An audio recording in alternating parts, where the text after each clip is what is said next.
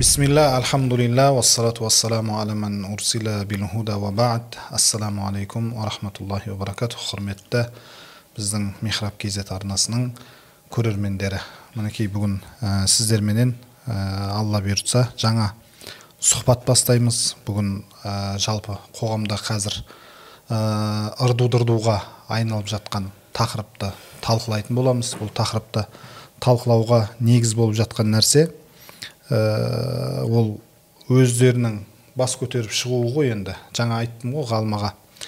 Ә, жалпы ертерек ә, ислам дінінде мынандай бидағат деген бір ә, термин бар ұғым бар. Ә, ол ислам дініне жаңадан кірген жаңадан пайда болған шариғи нормаларға сай келмейтін амалдарды айтады. Бидағат деп жаман бидағат деп. Жалпы осыған қатысты ғалымдарымыз өздерінің пікірін білдірген кезде егер де бір адам бидағат амалды орындайтын болса исламға бір шариғи нормаға сай келмейтін жаңалықты орындайтын болса өзі орындап өзінен басқаға насихаттамайтын болса онда ол адамға тиіспейді. Ол адамға қарсы насихат жүрмейді. Қоғам арасында яғни қоғамға ол адамды таныстырмайды деген секілді ұстанымда болған екен. Ал екінші жағы егер де кімде кім бір бидағат амалды орындап және соны басқаларға насихаттайтын болса өзінен басқа өзгеге насихаттайтын болса онда оларға тікелей қарсы қоғам арасында насихат жүреді деген ұстанымды ғалымдарымыз бекіткен екен. Мінекей осының негізінде осы ұстанымның негізінде қазір мына қоғамда бүлік шығарып жатқан елімізде мынау айрандай үйіп жатқан ауызбіршілігімізді бұзып жатқан қазіргі лгбт деген ә, термин пайда болды ғой. Енді жаңа термин деп атаймыз ба не дейміз оны? Терминге кіргіземіз ба кіргізбейміз ба? Ә, сол мәселеге қатысты бүгін иншалла ә, талқылайтын боламыз. Оны мәселені талқылауға келген біздің бүгін бірнеше ә, қонақтарымыз бар ұстазымыз бар мына жақта мына жақта. Ә, енді ұстазымыздан бастап таныстырып кетейік. Ә, ернар мәжен деген таугүл үш мешітінің бас имамы. Ернар ұстазымыз келіп отыр. Қош келдіңіз ұстаз. Және де келесі қонағымыз ә, күлкі базары телетеатрының актері бұрынғы шаншар әзілсқақ театрының актері болған ә, сонау ат терлетіп оңтүстік өңірден кешегі оңтүстікте бас көтеріп өздерінің наразылықтарын білдіріп бұл жалпы лгбт деген нәрсе бізге қазаққа жат нәрсе екендігін халық арасында жаңағыдай бас көтеріп шығып наразылықтарын білдіріп көш басында жүрген ағамыз құрманбекұлы ғалымжан ағамыз келіп отыр өзінің пікірін білдіруге алла разы болсын. Және де келесі қонағымыз біздің ә, журналистер одағының мүшесі саф медиа компаниясының ә, директоры ә, сайранұлы салтан бауырымыз келіп отыр. Қош келдіңіздер. Енді жалпы ә, жағдайды білесіздер. Ә, жағдай мәз емес. Қазір мына елімізде жан жақта ана қала мына қалаға барып жаңағы лгбт мүшесі бас көтеріп өздерінің ә, сол жиіркенішті ә, ұстанымдарына насихаттап жатыр. Ә, қазақтың ә, қаракөз қазақтарымызды соған тартып әсіресе жаңа ғалым ағамыз айтып жатыр. Арасында жастары көп дейді. Он бес он алты жасарлары. Жастар болғанда да жасөспірім кәмелет жасқа толмағандар. Кәмелет жасқа толмаған өскелең келе жатқан жастарымыз иә енді соларға ә, айтар жаңағы әрқайсыңыз өз насихаттарыңызбен келдіңіздер ғой. Сол насихаттарыңызбен бөліссеңіздер ә, солардың ә, қай жер жаңағы осал тұстары жалпы бізге қоғамға алып келетін олардың ә, зияны біздің қазақшылығымызға қазақи дәстүрімізге шаба, жаңағы ә, кері тигізетін әсерлері сол жағын айтып берсеңіздер. Жалпы негізі бұл ә, сәке сізге сұрақ ретінде қояйын. Бұл жалпы лгбт деген ұғым қайдан шыққан нәрсе? Бұның тарихы қалай? Бұлар қайдан пайда болды? Жалпы енді мына дүние өзі ә, күпірлік пен иманның соғысынан тұрады да. Иман мен ә, күпірліктің және азғындық пен ізгіліктің соғысы болып саналады.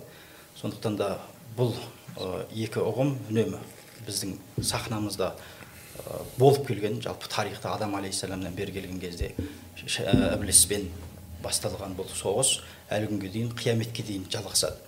Сондықтан да бұл енді лгбт ның тарихына ә, түспестен бұрын бұның артында кімдер тұрған деген сұрақ бірінші туындау керек. Себебі ә, бұл лгбт ның артында негізінен осы азғындықтың былайша айтқанда күпірліктің ошағы саналатын үлкен жаһандық күштер бар. Бұл қай заманда да болған ә, яғни бұны бір іблістің әскері десек те болады. Олардың жалғыз мақсаты жалпы күллі әлемге бір үстемдік құру бір жүйе қалыптастыру және де бүкіл мемлекеттер мен адамдарды өзіне бағынышты қылып соған өздеріне сай ә, қызмет еткізіп әрі өздерінің ә, көздеген мақсаттарына қол жеткізу. Ол бұл әлемге бірінші билік жүргізу. Екіншіден ә, күллі жер асты жер үсті байлығының барлығын иемдену негізгі мақсаттары. Ә, бұл ә, топ жалпы енді қазіргі уақытта медиада бұны масондар дейді немесе сионистер дейді немесе бұл әлемде бір жаһандық жүйе қалыптастырғысы келетін топтардың ә, олар өздерін бізде бір мемлекет бар деп сенемейді ә, ол өздерін шектемейді. Біздің мемлекет біздің ә, ақшамыз қай жерде жүрсе біздің қолымыз қай жерге жетсе сол біздің билігіміздің астында деп қабылдайды. Енді осылардың о баста шығарған бір жобасы негізі лгбт ә, яғни мемлекеттік жүйеге қарсы ғой сонда бұл ә, әлемдік әділеттілік жүйесіне қарсы бір жүйе. Яғни бұның зұлымдықтың ә, жақтасы әділеттілікке қарама қайшы әрекет етіп жатқан бір жүйе қалыптасқан. Ә, бұлардың енді қазіргі лгбтсі мәселен лей, ә, лесбиян ә, гомосексуализм бисексуал трансгендер дейді. Бұларды ә, артында тұруының себебі не деген енді сұрақ туындайды бұның артында тұру себебі кез келген мынау ә, мемлекет жалпы отбасылық институттан тұрады. Яғни от, бір отбасы сау болса сау бір отбасы қалыптасса бұның мемлекеттің де әрі қарай дұрыс сау қоғамда былайша айтқан кезде аяқтан тұруына өркендеуіне гүлденуіне бір үлкен мүмкіндік. Сондықтан да мемлекеттер де бірінші іштен іріту үшін отбасыны яғни отбасылық институтты құртуға бұлар бағытталған проектілер жүзеге асырып жатыр. Солардың ең сойқаны да қазіргі күні лгбт яғни бізде мәселен отбасында әке бар шеше бар деген ұғымның барлығын жою. Жақында ғана мәселен мама деген Мама сөзді деген сөзді алып алып тастайық деген бір ұран тастады бұлар. Кәдімгідей проект ретінде жүргізіп жатыр. Міне осыдан ақ көруге болады бұлардың артында тұрған ниетті.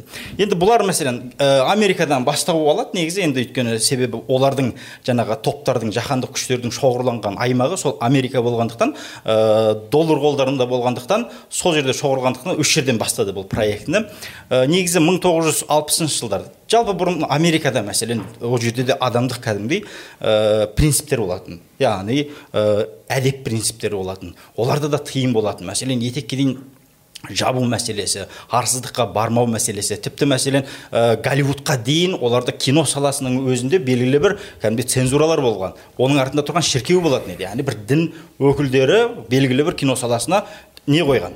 Ә, шекаралар қойған шектеу қойған. Ол жерде сіз ә, порнографияны насихаттамайсыз қылмысты насихаттамайсыз есірткіні насихаттамайсыз. Яғни күллі адамзаттық бір принциптерге ә, қайшы нәрселердің бәріне тыйым салған. Алайда кейін голливуд мәселе бөлініп шықты. Бірнеше студия болып сонау анау мексикаға жақын бір шекараға барып орналасты да егер де бұларды қуып келген жағдайда шекарасын өтіп кете салып сөйтіп құтылып кету мақсатымен бұларға қарсы бір ә, бас көтеріс басталды. Тура сол кездерде де міне осы уже ә, мынау азғындық басталғаннан кейін лгбт да мың тоғыз жүз алпысыншы жылдары өздерінің гей барларын құра бастады. Бұл барды кәдімгідей жиналады. Бізде мәселен қазақстанда мәселен алматының өзінде қаншама гей барларымыз бар. Мәселен парадқа жиналуға шақ қалып тұр мәселен. Бірнеше рет көрді. Ең соңғы мәселен сегізінші наурызда арасында жүрді. Ол қазір тақырыпқа келеді феминизм мәселесінде. Сол кездің өзінде бұлар алпысыншы жылдардан бастап осындай гей парлар, барларда жүріп жүріп үнемі жаңа бұларға қарсы полиция рейд жүргізетін болған. Кейін 1969 жылы 28 маусымда бұлар осы полицияға қарсы тұрады. Кәдімгідей арада ереуіл шеру өтеді полицияның шамасы келе алмай қалады. Содан нәтижесінде бұлар кәдімгідей күш алып өйткені яғни жекелеген адам бұл мәселеге ә, бармайды. Артында тұрған күшіне сеніп барады да бұл қаржыға сеніп барады екпінге сеніп барады. Соған сеніп бұлар кәдімгідей көтерілді. Бара бара мың тоғыз жүз алпыс тоғызыншы жылы полицияға қарсы шығып бұ- бұларға шамасы жетпегеннен кейін әрі қарай ә, мынау америкада ә, психиатрлар қауымдастығы деген бар. Американдық психиатрлар қауымдастығы бұлар кәдімгідей өздерінің ә, психикалық бұзылулардың диагностикалық және статистикалық нұсқаулық деген кітабы бар. Яғни dsm дейді да бұны психиатрияда бұл жерде барлық психикалық психиатриялық патология дейді ғой ауытқушылықтардың тізімі яғни сол кітапқа қарап бұл жерде емделу қалай болады бұл қандай белгілері бар қалай деген толықтай тізім бар міне сол тізімнің ең алғашқы басылымда бұл жерде кәдімгі қауымдастық жиналады талқылайды қайсыны кіргіземіз қайсыны шығарамыз деген мәселе болды сол кезде бұлар ә, гомосексуализмді бұл жерде ә, жаңа гейді лесбиянды ә, бисексуалдарды ә, париф, ә, парафилия деп атаған. Яғни жыныстық ауытқушылық деп атаған. Психологиялық. Психиатриялық тіпті ондай емес жыныстық ауытқушылық деп. Кәдімгі бұл үлкен олар үшін айыптау былайша айтқанда айыптау емес солардың өзі шынайы негізі ә, анықтамасы еді. Содан не істейді? Бұл кезде алады да бұл ә, жыл сайын негізі болатын қауымдастықтың жиыны ә, бұл осы жетпісінші жылдары болды одан кейін кейін жетпіс бірінші жылдары болды. Сол кезде бұлар жыл сайын бас қосады да бұл жерде талқылау жүргізеді. Сол кезде осы ә, гей қауымдастығы бұларға қарсы кәдімгідей шабуыл жасап уже полиция бұған бой бермейді кейін қауымдастыққа кіреді де кәдімгідей жиындардың ішінде сан францискода ә, есікті жұлып кіріп микрофонды алып бұлардың бәрін жаңағы ә, сол жерде быт шығарады жиынның. Сосын айтады психиатрия біздің ашық жауымыз дейді. Оның ішінде жаңағы өздерінің белсендісі бар жаңағы фрэнк камени деген.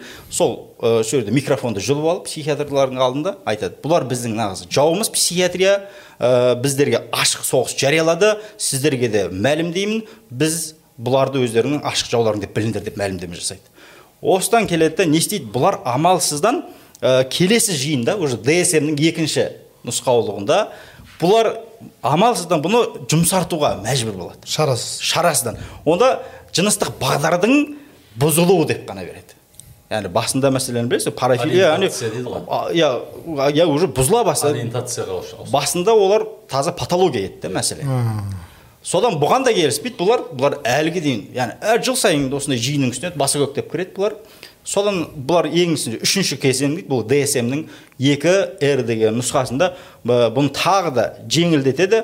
Бұны алады да қазір э- э, эгодистониялық гомосексуализм дейді. Иә бұл дегеніміз яғни жыныстық былайша айтқан кезде қалаушылық яғни өзінің ә, жынысын ауыстыруға деген бір желание дейді ғой қалаушылық деп. Әркімнің мәселен қалауы бар ғой мәселен тамақ ішуге деген бір сондай желаниясы иә қатты бір желаниясы болады да. Мәселен тамақ ішуге қатты бір қалауы болады иә.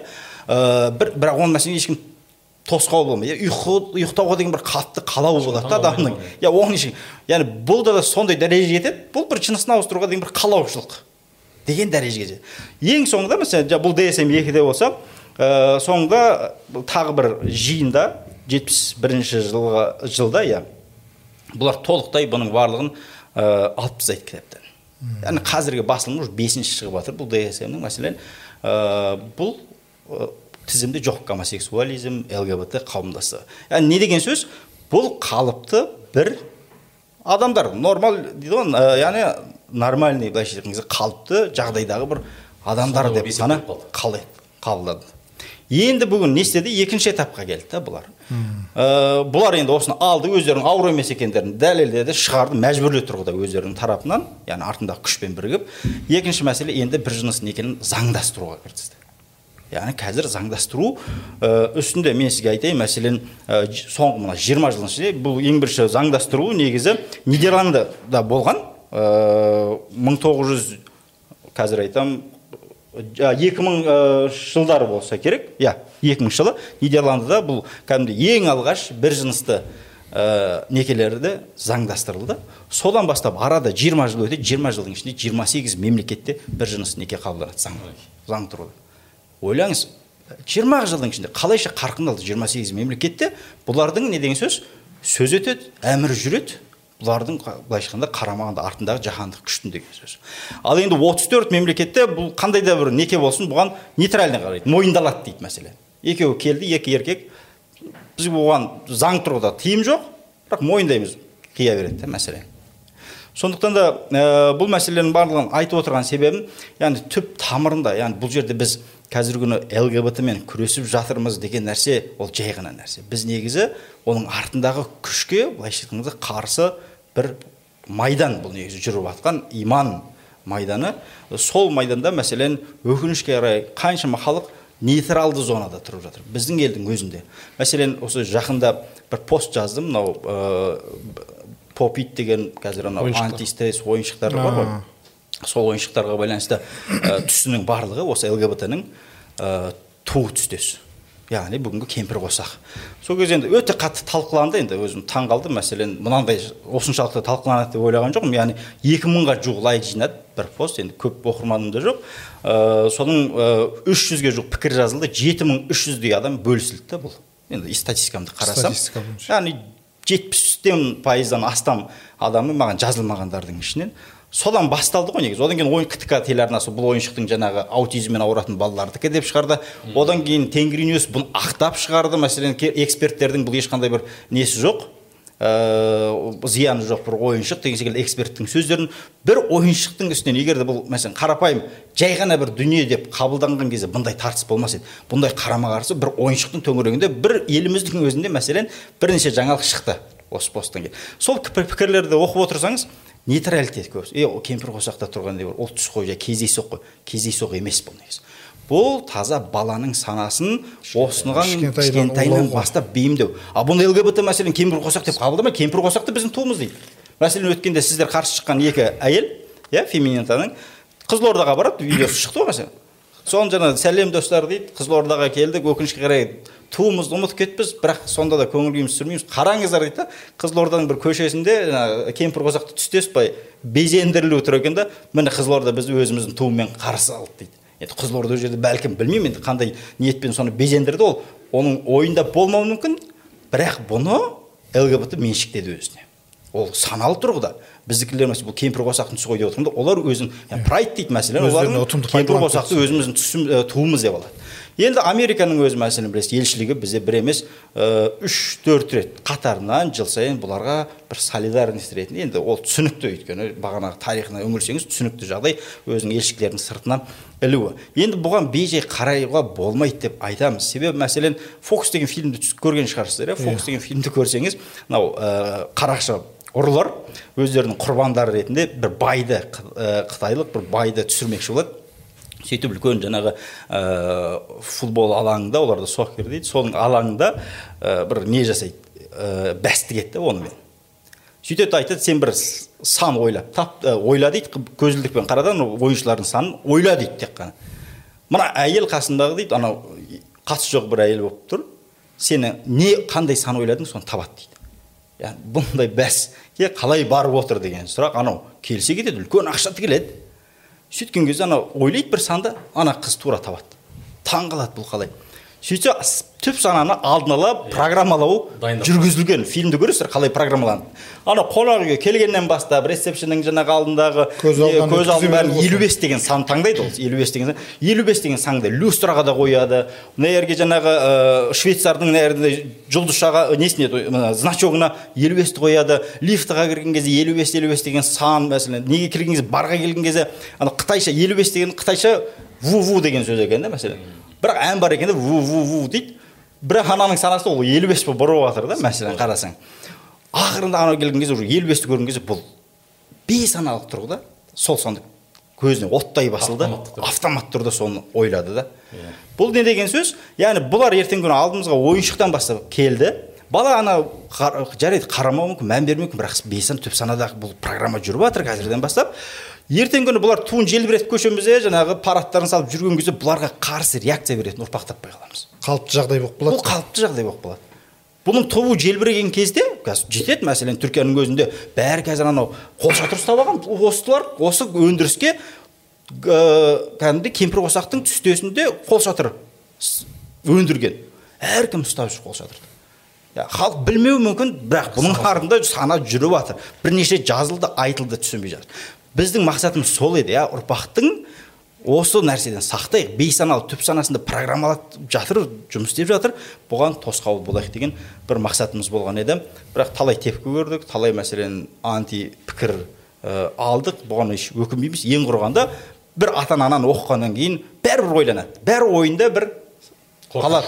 Алсам мынау ертеңгі күні өйткені еш- ешкім қаламайды баласының гей болғаны ешкім қаламайды лесбиян болғаны. Бәрі ең құрығанда бір сана қалыптасты деп ойлаймыз. Негізі қысқаша тарихы яғни артында тұрған күштер жайлы бір мәлімет осы. Енді ары қарай бағдарлама барысында тағы да айта жатармыз. Алла разы болсын сәке. Керемет ә, мағлұматтармен бөлістіңіз. Енді қажеке өзіңізге ә, бір сұр не қылсам діни тұрғыдан айтсаңыз.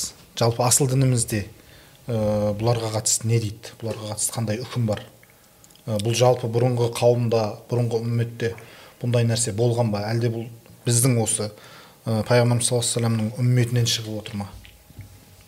Бисмиллахи рахмани рахим алхамдулиллахи роббил уассалату уассаламу аля расулина мухаммадин уа аля уа ажмаин альхамдулилля алла тағала бізге сондай бір сара жол көрсетті.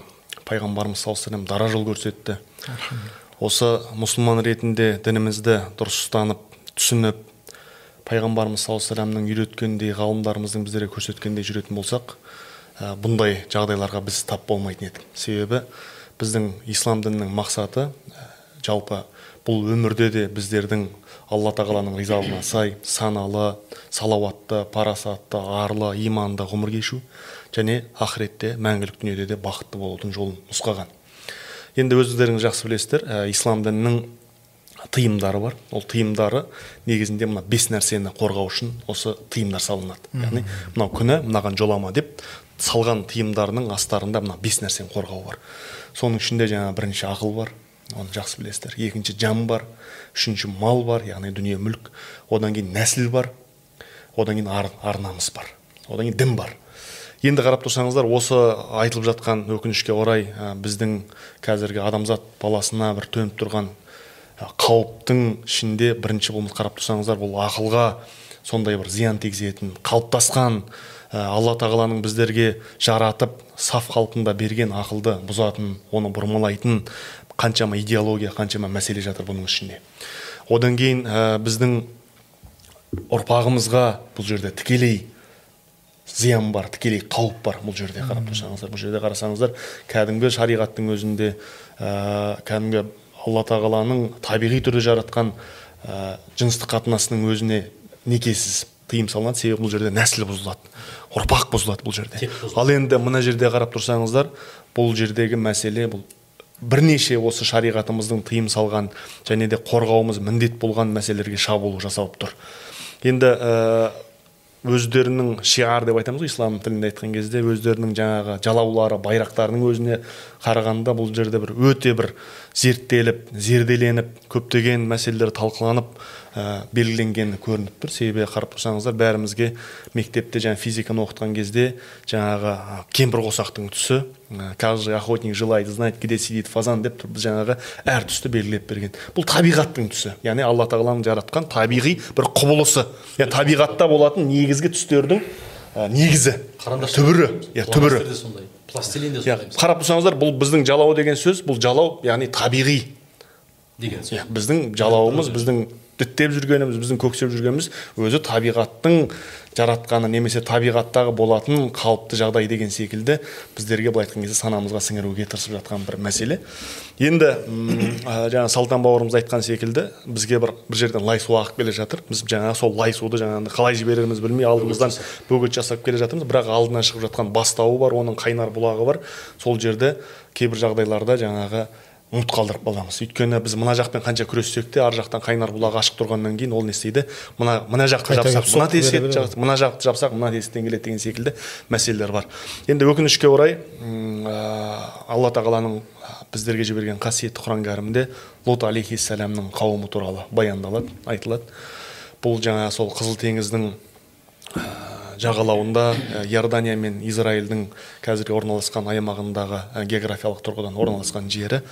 Сол жерде ә, лут алейхиссалам қа- алла тағала сол бұзылып азғындаған қауым бұл жерде жаңа ер мен ерлердің жыныстық қатынасқа түсетіндігі және тіпті солардың белең алып қоғамда қатты қарқындап тіпті өздерінің әйелдерін тастап қалаға қонаққа келген ерлерді еркінен тыс зорлап сондай бір дәрежеге жеткен және тіпті қатты ушығып кеткен алла тағала лут алейхиссаламды соларға ескертуге жібереді. Бірақ өкінішке орай нәпсілеріне әбден берілген оның қызығына өкінішке орай нәпсілеріне берілгеннен кейін одан бас тарту қиын болады. Сөйтіп алла тағала ә, лут алейхиссаламға екі періштені жібереді. Өте бір келбетті кескін келбеті жарасқан сондай бір азаматтар келген кезде а, лут алейхисаламның жаңағы жұбайы біздің үйге сондай бір керемет жігіттер келді деп ол жаңағы қауымға жар салады. Сонда ана азғындаған қауым келіп ана жігіттерді шығар біз жаңағы ойымыздағы сол соны істейміз деген кезде Бір топ ер кісілер. иә бір топ ер адамдар келеді жаңағы естіген сонда айтады менің қыздарым бар дейді. Яғни сендер соны кәдімгі алланың бізге көрсеткен жолымен некелесіп алыңдар деген кезде жоқ ол бізге қызық емес аналарды бізге шығар дейді. Сонда өзінің қонағына сондай бір қиындық туып бола ма? Енді кез келген адам үйіне келген қонақты қорғауға оған жақсы жағдай жасауға міндетті. Өйткені оның қонағы ол қатты солай қысылған кезде әлгі екі жігіт ер азамат оған не дейді? Сен еш қынжылма қысылма. Біз алладан келген періштеміз. Сен не дейді.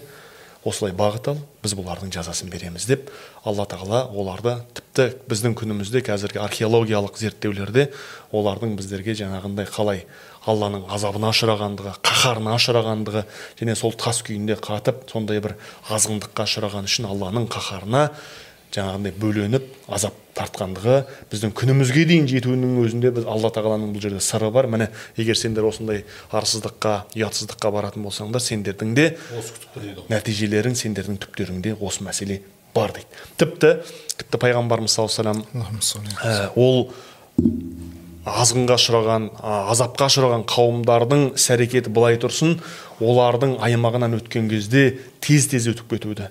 Тіпті оларға сол жерге қонақтамауға ол жердің жаңағы топырағынан немесе суынан басқа нәрсесін қолданбауды біздерге насихаттаған және оны көрсеткен себебі ә, бұндай жағдайға біздің душар болып қалу немесе алла тағаланың қаһары сақталып бізге де оның тыю ықтималы өте жоғары болады бірақ өкінішке орай қазір ә, өздеріңіз де құлақтарың шалып жүрген болар.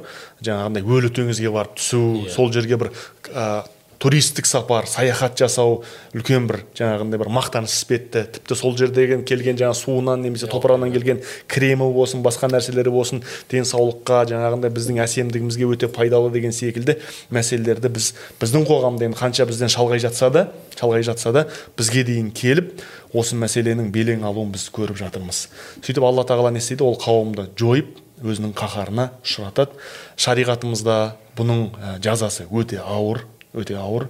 Ә, пайғамбарымыз саллаллаху алейхи уассаламның ә, өз хадистерінде айтқан және пайғамбарымыз саллаллаху алейхи соңынан ерген сахабалардың ғалымдарының бұндай азғындыққа барған адамдардың жазасының ауыр болатындығы бұл дүниеде де жаңағындай биліктің тарапынан ә, ауыр болатындығы және ақыретте де оның ауыр болатындығын қатты ескерткен жеткізген. Енді бұл жерде біздердің ә, мәселе бар. Ә, кезінде ә, қазір есімнен шығып тұр. Осман ә, мемлекетінің халифасы мына англияда алғашқы балет биі театрда сахналатын болып ә, дегенді естиді. Сол кезде сол жердегі елшісіне өзінің елшісіне барып жаңағындай тапсырма береді. Сен барып айт дейді. Егер сендер бұны қазір тоқтатпасаңдар ертең менің атты әскерімнің атының тұяғын сарайларыңда еститін боласыңдар дейді. Сол кезде уәзірлері және қарапайым халық сұрайды ол деген бір айдалада жатқан англия дейді. Біз деген мына жақтағы еліміз бұның не қатысы бар? деген кезде бұл жамандық тез жайылады дейді. Ертең сол жерде белең алып көрсетіліп халық тарапынан қолдау тапса көп ұзамай біздің арамызға да оның келу ықтималы өте жоғары деп сол кезде ол ол қолынан келген несі? Тыйымды салып ол сол кездегі сахнадан не істейді алдырып тастайды. Алдырып тастайды. Сол секілді енді пайғамбарымыз саллаллаху алейхи уассаламның біздерге көрсеткен бірақ қарапайым бір қағида секілді болып көрінгенімен өзінің өзектігін еш уақытта жоғалтпайтын қағидасы бар. Пайғамбарымыз саллаллаху алейхи айтады егер бір арсыздықты ұятсыздықты күнәні көрсеңдер оны қолмен түзетіңдер дейді. Қолмен түзетіңдер дейді. Шама жеткенше әрине енді қолмен түзету күшпен түзету бұл жаңа мемлекеттің құзырындағы дүние деп айтады ғалымдарымыз көпшілік енді қазір біз тас темір алып олардың басын жаруға жеке адам ретінде ондай бір мүмкіндігіміз құқығымыз жоқ. Ал енді мемлекет біздің жаңағы қамқоршымыз болғаннан кейін ә, біздерге жауапты болғаннан кейін өзінің әрбір ә, мүшесі әрбір отбасының жағдайы олардың амандығы саулығы мемлекеттің бірінші мүддесі және тіпті ұлттық қауіпсіздік мәселесі екендігін біз жақсы білеміз. Сондықтан бұған бірінші не болады? Күшпен тойтарыс беріледі. Ал егер енді жеке дара тұлға ретінде келген кезде қолымыздан келгенше не істейміз? Оны сөзбен тосқауыл беріп оның жаман екендігін арсыздық екендігін айтып жеткізу қолымыздан келгенше шамамыз жеткенше оны тарату жеткізу мәселе біздің қолда тұрады. Ал енді шара жоқ болып жатқан жағдайда тек қана бұл лгбт мәселесін емес кез келген қоғамдағы ә, келеңсіз мәселелерді жүрекпен жек беру бұл да әрине иманның ең әлсізі деген мәселе болады. Енді тарапсыз мәселесіне келген кезде тарапсыз мәселесіне келгенде анау мені шақпаған жылан мың жасасын деген бір сөз бар. Ә, бұл мұсылман баласының айтатын және мұсылман баласының қолданатын қағидасы емес. Мың жасаған жылан я сені шағады я болмаса ұрпағыңның біреуін шағады сондықтан да маған тиіспесе маған келмесе менің ода шатағым жоқ деп айтуға болмайды екен. Енді пайғамбарымыз саллаллаху алейхи уассаламның осы жерде тағы да бір хадисі ә, ойға оралады. Ә, сондай бір екі топ кісі дейді. Біреусі жаман біреусі жақсы кісілер. Теңізге сапарға шығатын болып кемеге мінеді дейді. Сонда кеменің үстіне мінеміз ба астына мінеміз ба деген жаңағы мәселе келген кезде тартыс туады сол кезде жаңағындай өз араларында жеребе тастайды дейді. Сонда жеребе тастаған кезде кеменің үстіне жаңа нашар адамдар мінетін болады да астына астына нашар адам мінетін болады үстіне жақсы адамдар орнығады жеребе бойынша.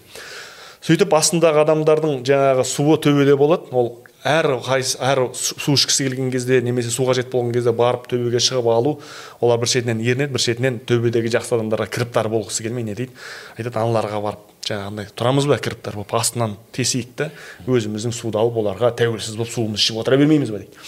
Сонда пайғамбарымыз саллаллаху айтады жоғарыдағы адам жоғарыдағы адамдар егер аналардың кемені тесуіне тосқауыл болмаса бәрі батады. Бәрі батады. Кемені жақсы тесті не жаман тесті не аз ол көп болды ол кім тессе ол тессін кеме түгел батады. Сондықтан да кемедегінің жаны бір деген қазақтың тамаша мақалы осы пайғамбарымыз саллаллаху алейхи вассаламның хадисінде төркіні жатқан секілді. Себебі біз отанымызды бір үлкен бір кеме деп елестетсек сол кеменің әрбір тақтайы отбасы. Ал енді сол кеменің батуына бір тақтайдың шірік болуы әбден жеткілікті әбден жеткілікті.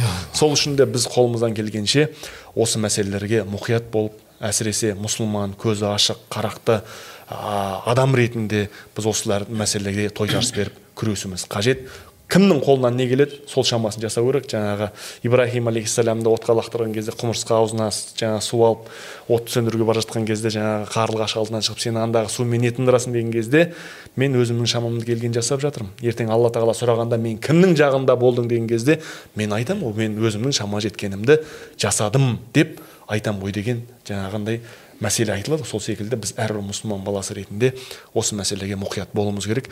Енді өкінішке орай ә, әлемдік жаһандық күштер өзінің қуатын қайратын халықтың әсіресе мұсылмандықтың мұсылмандардың надандығынан алады. Ал енді сол үшін де мұсылмандардың адамдардың көзін ашатын көкірегін оятатын білімнің болуына және жайылуына тосқауыл болады. Тосқауыл болады. Біздердің нағыз бізге пайда беретін қоғамды біріктіретін бізді өркендететін дамытатын мәселелердің орнына болмашы мәселелерді ортаға салып соны өзекті мәселеге шығарып бір бірімізбен таласып тартысып жаға жыртысып жүрген кезде қандай жаңағындай біздердің жапа шегіп зиян көріп жатқандығын біз осы жерден естиміз. Өкінішке орай көріп жатамыз. Сол үшін көзді ашуға исламмен иманмен өмір сүретін болсақ бұл қауіп өзінен өзі сейіледі. Енді осы ә, мәселенің басы қозғалып ә, тақырыпты қозғаймыз деген кезде бір шетінен ішімнен ойладым. Енді бұл қазір біз айтсақ бұл бір шетінен реклама бола ма бұларға деген секілді yeah. мәселе. Енді білесіздер юсуф алейхисаламды әкесі жаңағындай бауырларымен жіберетін кезде айтты ғой сен қасқыр жеп қоя ма? деп қорқамын деп аналардың ойламай тұрған нәрсесін ойына салып сол үшін ғалымдарымыз айтады егер жаңағындай бір ой туған болса оны жаңағы қарсыңыздағы адамға айтпаңыз ол ой салады деген секілді. Бірақ енді біз айтсақ та айтпасақ та бұл мәселе қоғамда таралып жаңағы әлеуметтік желі болсын жаңағы бұқаралық ақпарат құралдарында болсын айтылып жатқаннан кейін бұл мәселелерді қозғалудың жөн жосығы бар деп біз есептейміз. Иншалла алла тағала біздердің көзімізді ашып көкірегімізді оятып иманымызды күшейтіп осы ә, тіпті бүкіл адамзатқа ә, қауіп төндіріп тұрған осындай бір дертке осындай бір болашаққа балта шабатын қауіпке ел болып жұрт болып бірігіп иншалла тойтарыс береді деген ойдамыз. Машалла алла разы болсын қажеке. Керемет жауап болды. Енді ә, неге қатысты? Ғалым бұлардың жалпы бүйтіп кезекпен келіп жатырмын болады ғой. Бұл әдемі ғой. Көбеюіне бұлардың қазір қат белең алып бара жатқандығына не нәрсе себеп болып жатыр? Біздің анау сонау америкадан біздің мысалы қазақ жеріне дейін жетіп жатқандығына. Қалай ойлайсыз не дейсіз? Енді мынау адамның ішіне я дін кіреді я жын кіреді дейді ғой. Мынау жын кірген адам жалпы жынның айтқанын істейді ғой. Сол жаңағы ібіліс малғұнның айтқанын істеп қазір сондай біздің шамамыз келмей біздің қанша тырмыссақ та олардың жаңағы күштері басым шығып ақылдары бізден жаңағы білімдері бізден басым шығып жатқаны бұл жерде біздің мұсылмандардың әлі де мынау ілімге білімге дінге деген әлсіздігіміз біздің. Мынау жалпы осы жаңа айтып отқан мемлекеттер америка болсын еуропа болсын кезінде бұған қарсы шыққан екен негізі жаңа айтып отыр ғой тарихта қарсы шыққан бірақ ә, қарсы шыққанда жаңағыдай қоя берші деген сияқты сүлесоқ қарағанда селсоқ қараған сол кезде түп тамырымен алып жойып тастаса бұндай бәрі болмас еді енді алланың қалауы ғой бұның барлығы жақсылық жамандық алладан дейміз бұл қазір мынау осы системаны құрған адамдардың өзі солған өзі тұншығып жатыр қазір мысалы америкада жаңа айтып жатыр бір жыныстылар некелесу ол ол жақта мода емес екен. Қазір оны әңгіме де қылмайды екен. Америкада бір танысым бар сол жақта жұмыс істеп жүрген. Сол кешегі шымкентте жағдай болғаннан кейін бірден хабарластым ғой. Бізде осындай болып жатыр түп тамыры сол жақтан келіп жатыр батыстан. Бұл кімдер десек жаңа бәрін айтты ол жаңағы ұйымды да айтты. Ол ұйым бүкіл әлемді жаңағы өзінің долларымен өзінің саясатымен бір жерде жаңағы соғыс жасаумен бір жерде ә, жаңағы іріткі салумен іріткі жасаумен иә әртүрлі жағдаймен елдерді әсіресе мына мұсылман елдерін талқандау мәселесі. Неге десек ол жерде енді бір жынысты болғаннан кейін бала болмайды ғой енді. Бала болмағаннан кейін ұрпақ болмайды. Ұрпақ болмағаннан кейін ол елді ертең қорғайтын жастар болмайды. Ал енді ондай жастар болмағаннан кейін оларда осы бастан қорқыныш пайда болады. Ертең мыналар мынау көп балалы елдер көп бала туып жаңағыдай жаңағы көбейіп жатқан елдер ертең біздің елді жаулайды деген қорқыныш пайда болады екен. Сонымен осы көп бала туып жаңағы алтын алқа күміс алқаны алып жатқан елдерге әсіресе қатты шүйлігі деген. Мысалы ол жерде жаңағы ер мен ер әйел мен әйел былай тұрсын үйіндегі жаңағы шаң сорғышына өзінің итіне некелесіп жатыр дейді ақыр аяғы осыған адасушылықтың ақыр аяғы осыған келіп тіреліп жатыр дейді. Жаңа сұрасам бізде оларды әңгіме қылмайды дейді. Бойымызға сіңіп кеткен қасымызда отырып тамақ ішіп шай ішіп отыра береміз дейді. Көрдіңіз бе қандай жағдай жеткен жаңағы бірте бірте бірте бірте адамдар мән бермейтін жағдайға жеткен. Енді олар өздерін бітірді өздерін қойды. Енді мынау жаңағы өсіп өніп келе жатқан исламмен сусындап исламмен өркендеп келе жатқан мемлекеттерге қырғидай тиіп жатыр дейді. Сондағы мақсат бұл елді де сол өзінің қатарына қосып жалпы мынау ә, адамзатқа жалпы мынау ұрпақ мәселесіне балта шабу. Енді ә, бір ә, анекдот дейміз ба қызық әңгіме болған мынау ит пен мысық бір біріне ғашық болыпты дейді. Әйтпесе ит пен мысық ғашық бола ма ит пен мысық деген екеуі бір үйде тұра алмайтын жануарлар ғой мысалы. Екеуі бір біріне ғашық болып үйленетін болып ата аналары қарсы болса да. Сөйтіп енді ата ананың батасы деген керек қой бәрібір. Ата ананың батасын алмаған кім көгереді сөйтіп ата анасының батасын алмай қарғысына ұшырап екеуі. Он жылдай бала көрмей сонымен әулие аралайды ғой. Әулие әулиеді аралап әулиелерден де көмек болмай сонымен екеуі не істейміз айырылысамыз ба? Десе жаңағы мысық айтыпты неге медицинаны бір көрмейміз? депті. Медицина көрейік та медицина деген бұл да бір ем ғой. Бәлкім бір емі болып бір перзент сүйіп қалармыз деп сонымен жаңағы врачқа барған кейін врач айтыпты анализ тапсырыңыз ертең результатына келесіздер деп. нәтижесін көріп кетесіздер ертеңіне келіп отырса кешіріңіздер сіздерде бала болмайды деп. Неге десе екеуің де еркексіңдер ғой. Естерің дұрыс па? Еркектен еркек пайда бола ма? Не ұрпақ пайда бола ма? Дәл сол сияқты анекдоттағыдай мысалы еркек пен еркек әйел мен әйелден ұрпақ пайда бола ма? Ондай болмайды ол. Бұл жалғыз қазаққа ел емес. Бұл бүкіл әлемге келген сондай сорақы саясат індет та ол? Енді жаңа мен бүгін аэропорттан түстім. Бүгін мынау қажекең ұстазымыз жанболат ұстазымыз шақыртумен келіп аэропорттан түссем танып жатыр адамдар. Танып о ғалеке ассалаумағалейкум не болды? Ана жақта ұрғандарың аз болып келіп тағы да алматыға келіп лгбт ның екі қатын тағы осы жақта қуалап жүріп ұрайын мен айтамын қуалайтын болсақ ұратын болсақ шымкентте де қатын жетеді деймін да. Ол бір біз екі қатынға қарсы шыққан жоқпыз негізі. Біз системаға қарсы шықтық. Ол ә, біз шымкент жалпы қатын ұрып немесе жаңағы әйел ұрып әйел сабап көгерген оны мақтан тұтқан халық емеспіз. Біз тек руханиятқа кесір келетін жалпы ә, руханиятымызға болашағымызға балта шабылатын жерде біз қарап қалмайтын елміз да.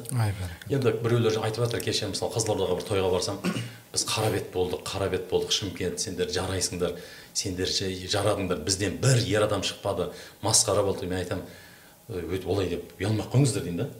Шымкентте де мысалы миллионный қала ғой. Миллион қаладан мысалы бір процент шықпапты бір пайыз. Иә. бір пайыз адам шықпапты екі жүз елу ма екі жүз адам шыққанбыз. Бір пайыз адам мың адам екен негізі. Миллионнан бір пайызы мың адам болады. Мың адам шықпаған. Көріп отырып естіп отырып айғай шуды сол момент сол жерде жаңағы тікелей эфирге жіберіп қанша жігіттер ей жігіттер жиналыңдар мынаны бір бас көтеріп мына түп табынан құртуымыз керек. Шымкентке екінші рет келмейтін жоқ естіп отыр шықпайды. Ол әңгіме ол шымкент болсын қызылорда ақтау атырау астана алматыда емес әңгіме. Мысалы алматы неге шықпады дейді сегізінші наурызда. Олар парад жасап шеру жасап өтті. Бір ер азамат шықпады дейді.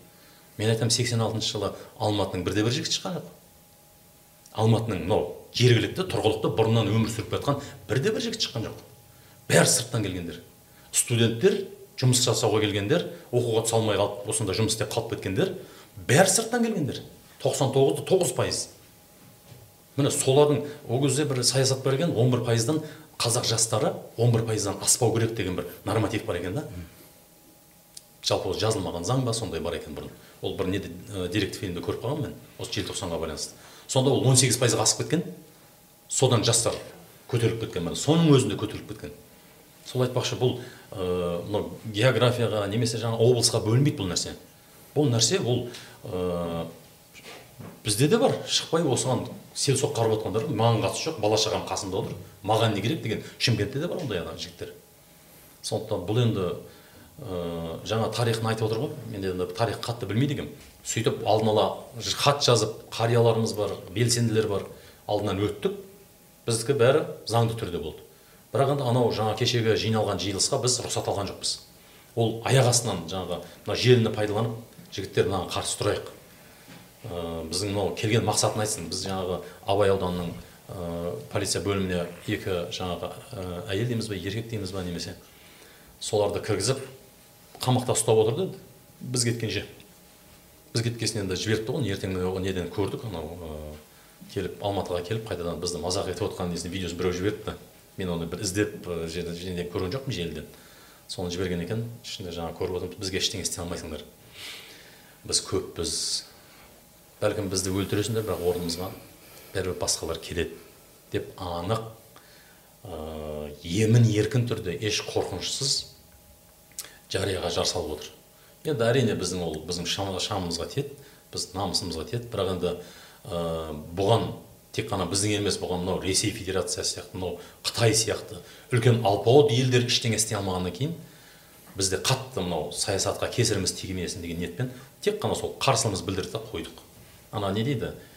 Қойды да соятын кезде соңғы кезде тұяғын бір серпіп қалады дейді ғой. Сол сияқты бір тұяғымызды серпіген амалымыз болды. Тек әйтеуір осы біздің болашағымызға ертең бір пайдасы тисін бір адам болса да осыны ойлансын деген ниетпен. Солай жасадық. Алла разы болсын. Иә. алла разы болсын ғалым аға енді жаңа қажекең айтып отыр ғой жаңағы деген сияқты. Пайғамбар саллаллаху алейхи вассаламның сендерден кімде кім бір жамандықты көрсе онда ол ә, қолымен қайтарсын немесе тілімен қайтарсын немесе жүрегімен ренжіп ренжіп қойсын деген секілді оған шамасы жетпесе. Сол хадиске енді ә, амал ғой енді сіздердікі сіздер тараптан. Алла разы болсын. соған амал еткен болдық енді. Ә, жаңа ғалым аға адамға не дін, дін кіреді не жын кіреді деп қалды ғой. Енді бұл ә, бұларға жалпы жын тиді немесе жын кірді деп айта аламыз ба қажеке? Жынмен байланыстыра аламыз ба жалпы бұл амалды? Бірінші жаңағы ә, бұл кісілердің енді наразылығының ә, әлі де біздің рухымыздың иманымыздың бар екендігін бір белгісі. Сонымен қатар анау ғалымдарымыз айтады ғой ұйықтап жатқан мың адамды ояу бір кісі оята алады дейді яғни мен біреумін мыналар мың мен шамам жетпейді деп айтпау керек дейді да ұйықтап жатқан мың адамды ояу бір кісі оята алады. Сол секілді біздің әлі де санасы ұйқыда жатқан терең ұйқыда жатқан бауырларымызға бір ояту түрткі болды деген ниеттеміз кезінде жаңа оян қазақ деп бабаларымыз қалай жанын құрбан қылса қашанда иә біздің оянуға оя- ояу болуға ә, міндеттіміз. Себебі керек. себебі айтқан екен ғой жаңағы ислам иман бұл батыр мұсылмандардың иығында көтеріледі қорқақтардың емес деп. Енді ә, жын мәселесі жын кіру мәселесін енді қоғамда талқыланған әсіресе осы да енді подкаст ретінде жеке бір тақырып арналған енді мәселе ғой жаңағы не дін кіреді я болмаса жын кіреді деп. Ә, бұл ағамыздың енді айтып отқан былай деп ә, енді кіреді яғни діннің дегені болады. Діннің айтқаны діннің қағидасы шарттары парыздары иә орындайды. Болмаса яғни жыннан болған шайтанның дегені оның азғыруы уәсуәсәсі болады. Сонымен жүреді деген мәселе ғой. Сондықтан да енді бұл ә, лут, лут алейхисаламның қауымын лут қауымын қалай кезінде шайтан азғырып олардың түбін сондай бір бейшаралық қаһарға ұшыратқан болса осы күндегі азғындап жүрген адамдардың да осындай тек сыртқа шығып көп адамдардың ә, азғындалуына себепкер болып жатқан оларды түртпектеп жүрген түртіп жүрген түлен түртті дейді қазақта.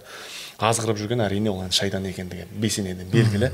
Сондықтан да шайтанның мақсаты бұл адамзатқа дұшпандық адам алейхисаламды қалай алланың жаңағындай ашуына ұшыратып жәннаттан шығарған болса ә, қазір жер басып жүрген пенделердің де сондай бір азғындыққа күнә иә күнәға барып алланың қаһарына ұшырап жәннатқа жоламауының әрекетін енді бұлар қиямет қайымға дейін орындайтындығы анық сондықтан да біз ражим яғни алланың мейірімінен қуылған лағнет атқан шайтанның уәсуәсасынан азғыруынан бір алланы пана тұтып алланың көрсетіп берген жаңағы исламмен жүруге барынша тырысуымыз қажет қой бұл жағдайларда машалла алла разы болсын енді бір мәселе бар айта кететін ұмытпай тұрған айтып қояйыншы мына осы нәрсені былай қарағанда біздің елдегі осы жаңағы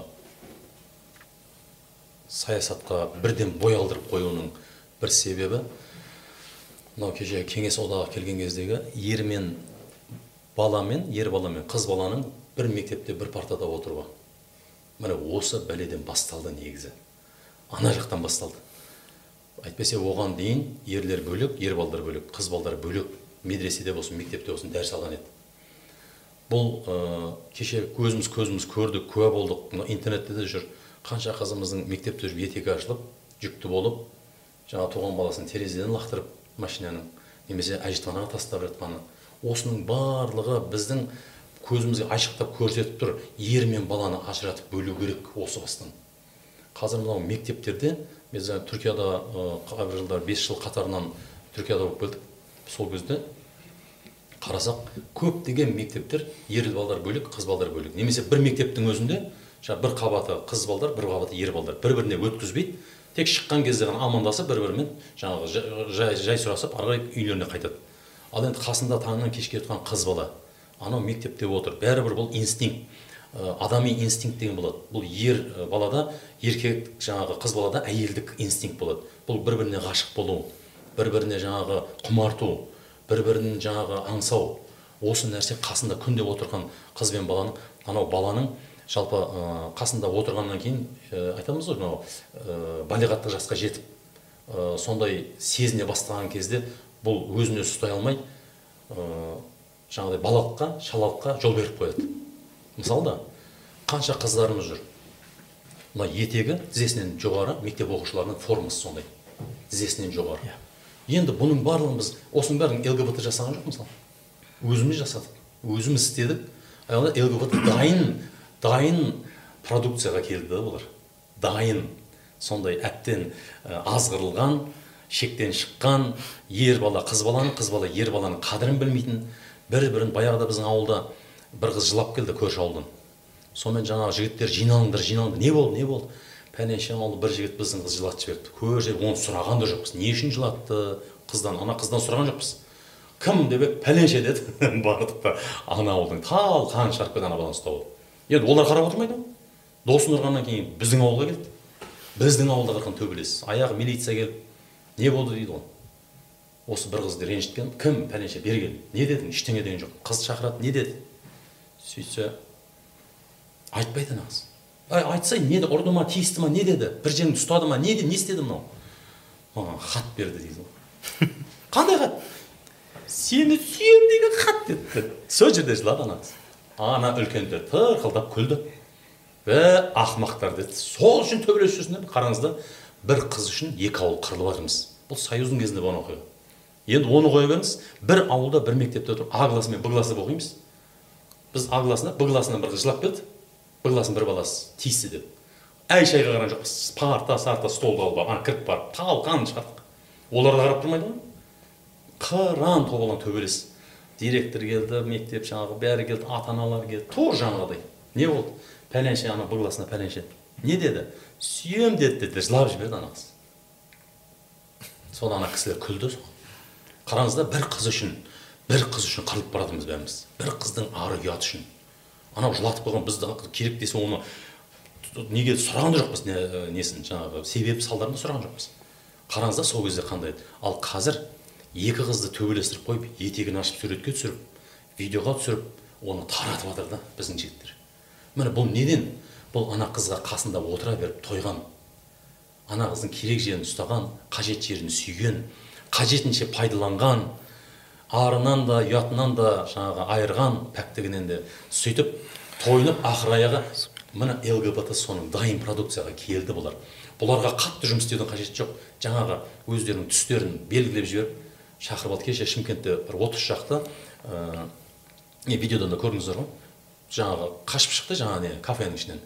Бәрі кәмелет жасқа толмаған. он төрт он бестегі жас өспірім жас жеткіншек балдар кәмелет жасқа толмаған. Міне қараңыздар. Мен мысалы ол біреудің баласы ғой деп қоя салсам болады. Бірақ ол менің балам үйде қазір. Менің қызым тәрбиелі ол менің немереме келді олар. Ертең немеремді құртады. Ол кезде мен қауқарым болмайды бүйтіп көшеге жататын сақалыңнан сүйреп анау далды сырға лақтырып тастайды барып қалаға. Қауқарым бар кезде қарсы шығуым керек қой міне сондықтан осы бастан қыз бен қыз бен қызды ер мен ерді ер баланы айырып ажыратып осы бастан ер баланы да қыз баланы да бірдей көреді. Мысалы былай тәрбиелесе да біліміңді бер тәрбие қалай? Қызды болашақ келін болашақ ана болуға қарай тәрбиелесе да болашақ әже болуға ақыр баланы ер баланы болашақ үйді асыраушы табыс табушы елге жаңағы салық төлеуші елге қамқор болушы және сол түскен табысын адал жолға дұрыс үнемді пайдалау жаңағы жалпы көшбасшы дейсіз. көшбасшы қылып тәрбиелесе да жоқ бізде ер баланы қыздардың алдында жаңағы жер қыла салады қыз баланы ер балдардың алдына абыройын төге салады мұғалімдер. Сен адам болмайсың сен итсің шошқасың. Мысалы үшін да. Кеше мен ә, бір неге балабақшаның қасынан өтіп бара жатырмын. Кейбір ол ненің алдында ғой карантиннің алдында балабақшада жұмыс істеп тұрған кезде. Ана балабақшадан мынандай музыка шығып жатыр әуен. Ә, қандай еді ана? Ох ах боже какой мужчина! Я хочу от тебя сына төрт жасар қыз айтып жатыр төрт жасар қызға біздің қазақтың балабақшасында шымкенттің қазақтың балабақшасында айтып жатыр міне төрт жасар қызды біреуден екі қабат болуға некесіз біреудің жаңағы ә, бала тауып алуға үгіт насихат жүріп жатыр міне соны анау ата анасы байғұс қолын шапалақтап видеоға түсіріп мақтаныш көріп жатыр бір кезде шықты мен терезеден көрініп тұр екен бір екі қарап сөйтсем ламбада билетіп жатыр кіндігі ашық тізесі ашық жалтырап қыз ана жігіт те кіндігі ашық мынау байлап алған бір бірін ұстап алып бір бірінің артынан ламбада билеп жүр. Төрт жасар біздің бүлдіршіндер. Міне сондай нәрсе болып жатыр біздің елде. Бізде енді қазір неше түрлі ағымдар пайда болды. Бұны енді айта берсең көп та қаза берсең астынан жаралар шыға береді қайта қайта іріңдеп бір қайғыны қозғасаң мың қайғыны қозғайсың енді барлығы неде осының барлығын енді халық болып біз жүйеге келтіруіміз керек біз билікке көмектесуіміз керек былай айтқанда. Биліктің қолы байлаулы біздің. Әйтпесе жаңа айтып отырмын ғой алпауыт россия мен қытай ештеңе істей алмай отыр. Мынау жаңа лгбт ға қарсы. Артында не деген адамдар тұр? Көрдіңіз ба ал енді сондай болған жағдайда біз көмектесуіміз керек. Бізде жаңағы анау әдет пайда болған ғой. Жаңағы үйінде әйелі көнбей қалған ғой түнде. Жаңағы төсекте көнбей қояды ғой. Сөйтсе азында тұрып президент жамандап жатыр дейді ғой президент кінәлап. Біз сондай халық болып кеттік қазір. Сондай мелочный сондай майда шүйдеге дейін біреуден көре салғанды біреуге жаба салғанды сондай ә, жеңіл көретін сондай құтылып өзің құтылып кете салатын мойнымыздағы жаңағы ә, міндеттерден тез сөйтіп құтылып кете салатын халыққа айналып бара жатырмыз. Неге? Өйткені біз алланы алладан алыстадық. Алладан алыстадық. Біз өзім шешем деген кеттік біз аллаға тапсырмайтын болдық тірлігімізді. Әрбір ісімізді аллаға тапсырсақ біз жолымыз ашық жаңағы шекарамыз бекем ешқандай жау алмайтын мемлекет болар едік. Бізге қару жарақтың да керегі жоқ. Алламен шын байланысымызды жақсылап түзесек міндет ол жаңағы мынау ғұлама ғалым имам болып кету емес. Міндет сол бір ел болып тұтас ел болып бір дінді жаңағы бір мазхабты ұстанып бір жаңағы нүктеге бір билікке бағынатын болсақ бізді жау алмайды. Ешқандай жау ала алмайды. Әйтпесе мынау қытай баяғыдан бір жарым миллиард бұлар біздің ата бабамыз баяғыдан 18 миллион. Жаулап алса қашан жаулап алар еді? Біздің ата бабамыздың алламен мынау байланыс күшті болды да. Сондықтан осы мәселелерді реттесек біз біз қазір бар ғой осы мынау мынау деп жүрген кезде бала шағамыз да кетіп жатыр да. Сол бала шағаларды мына ер баланы бөлек қыз баланы бөлек тәрбиелеу мәселесін қолға алу керек. Мына қырғызстанда бір жігіттің осыдан он жыл бұрын бір мектебі болған екен. Жекеменшік мектеп болады частный мектеп дейді. Қазір 16 мектебі бар екен. 16 мектеп қазір рейтингте жаңағы не дейді? Трендте тұр дейді. Білім жағынан да әдеп дәстүр жағынан да. Біздің жаңа мынау бір осындай жеке мектептерді құратын біздің жаңағы опыт алмасуға барған ғой. Сөйтіп барса 16 мектебі бар қыз балдар бөлек ер балдар бөлек оқып жатқан. Сондай жаңағы спорттан да мәдениеттен де әдебиеттен де өнерден де ғылым білімнен де жаңағы мектептер алды дейді неге? Қасында қыз отқан жоқ оның. Қазір осы жаңағы переменге шықсам звонок болса болды барып апарып ей бір құшақтап мектептің артына барып бір иіскеп алатын деген ой жоқ ол балада ол балада тек білім ә, ел тағдыр мынау отаным деп отыр да ол. Қасында ер бала отыр ол ол ер бала ер бала ол ой кетпейді бір біріне осы мәселені осы бүлдіршіндерімізден бастасақ бар ғой. Біз мына мәселенің бәрінен өзінен ақ құтылып кетеді. Бұл өзі ақ шығып кетеді ертең. Өйткені ұрпақ оны қабылдамайды. Алла разы болсын ғалымаға Ә, бұл бір жаңадан ашып жаңа қай болды жаңа жеке бір подкаст арнайтын тақырып болып Иә, тұр ғой бала тәрбиесіне қатысты. Жоқ мынау менің айтып жатқаным бұл нәрсені қалай құртуға болады дейді ғой. Бұл нәрсені қайтадан ұрпағымызды жаңағыдай тәрбиелеу арқылы құртамыз. Иә. Бұған өйткені қарсы келе алмаймыз біз. Өйткені заң бар бұларға. Бұларға қарсы келіп біз мемлекеттің саясатын құртып аламыз бекерге отыз жыл елбасымыз алып келген үпілеп сүпіліп үкідей үлбіретіп жаңағы қанатқа қақтамай тұмсыққа шоқтырма алып келген саясатын талқан шығарып жібереміз. Сосын жүреміз ана көршілес мемлекеттер сияқты қаңғырып бет бетімізбен ел болам десең бесігін түзе дегендей осы ол бала тәрбиесінен бастау керек десеңші алла разы болсын. Ә, сәке мынау ә, сізге сұрақ. Жалпы бұл лгбт ның ә, адамзатқа қоғамға және мына елімізге жерімізге мемлекетімізге жалпы біздің мынау қазақи құндылықтарымызға ә, келтіретін зияндары қандай? Жалпы енді құран кәрімде бақара сүресінің екі жүз бесінші аятында андай бір аят бар да шын- шынту- шынтуайтында дейді олар дейді ә, дұшпан атаулының ең жаманы олар қолына биліктің тізгіні тисе олар жер бетінде бұзақылыққа бастап бар нәрсені егістікті және нәсілді бұзады дейді. Бұзуға және тынбай әрекет етеді дейді. Алла тағала бұзғыншыларды сүймейді дейді әрі қарай аяттың жалғасында. Бұл жерде екі мәселе айтылды негізі. Бұз- бұзбады десе біз керісінше түзеушіміз деп айтады деймін ар жағында иә. Жалпы ә, екі мәселе айтылды. Бір егін егінді бұзады дейді. Екінші нәсілді бұзады дейді. Бүгінде тура осы мынау әлемдік жаһандық жүйе осы екі мәселеге қарсы кәдімгі жобалар үлкен ауқымды жаһандық жобалар жүзеге асып отыр. Бірінші егінді бұзуға бұл гмо дейді. Бүгінгі геномодифициал ә, модифицированный ә, өнімдерді ә, тура осы егінді бұзу үшін жасалды бұның мақсаты не деген сұрақ туады бірінші мақсаты мынау ә, 1950 жылдардан осы ә, уақытқа дейін енді мынау америка президенттерінің қасында түрлі түрлі қызметтерде жүрген генри альфред киссинджер деген бар. Иә кейін ол мынау форд басқарып тұрған кезде президентті сол кезде оған алдына үлкен жаңағы ұлттық қауіпсіздік істері меморандумы дейді сол бір проектіні ұсынады. Сол проектте кәдімгідей меморандумда ә, жаңағы есебі ғой есебінде мынандай бір сөз келеді да мұнайды басқарсаң мемлекеттерді басқарасың азық түлікті басқарсаң адамдарды басқарасың ә, азық түлік бір қару. Біздің келіссөз портфеліміздегі бір қару болып саналады дейді яғни демек қазіргі уақытта мәселен қарасаңыз жалпы жаһандық процестерді экономикалық процестерді қарасаңыздар бұлардың қолында қазір бүкіл мұнай бар. Мұнайдың бәрін алып отырып мемлекеттер солайынан басқарып отыр. Біздің елде де қаншама мәселен мұнай Иә. компаниясының өкілдерін қарасаңыз ана мұхиттың ар жағына барып тіреледі. Ә, екінші азық түлік. Екінші сөйлемде азық түлік мәселесі жатады жаңағы егістікті бұзу. Енді қалай? Айтып отыр ғой азық түлікті басқарсаң сен адамзатты басқарасың.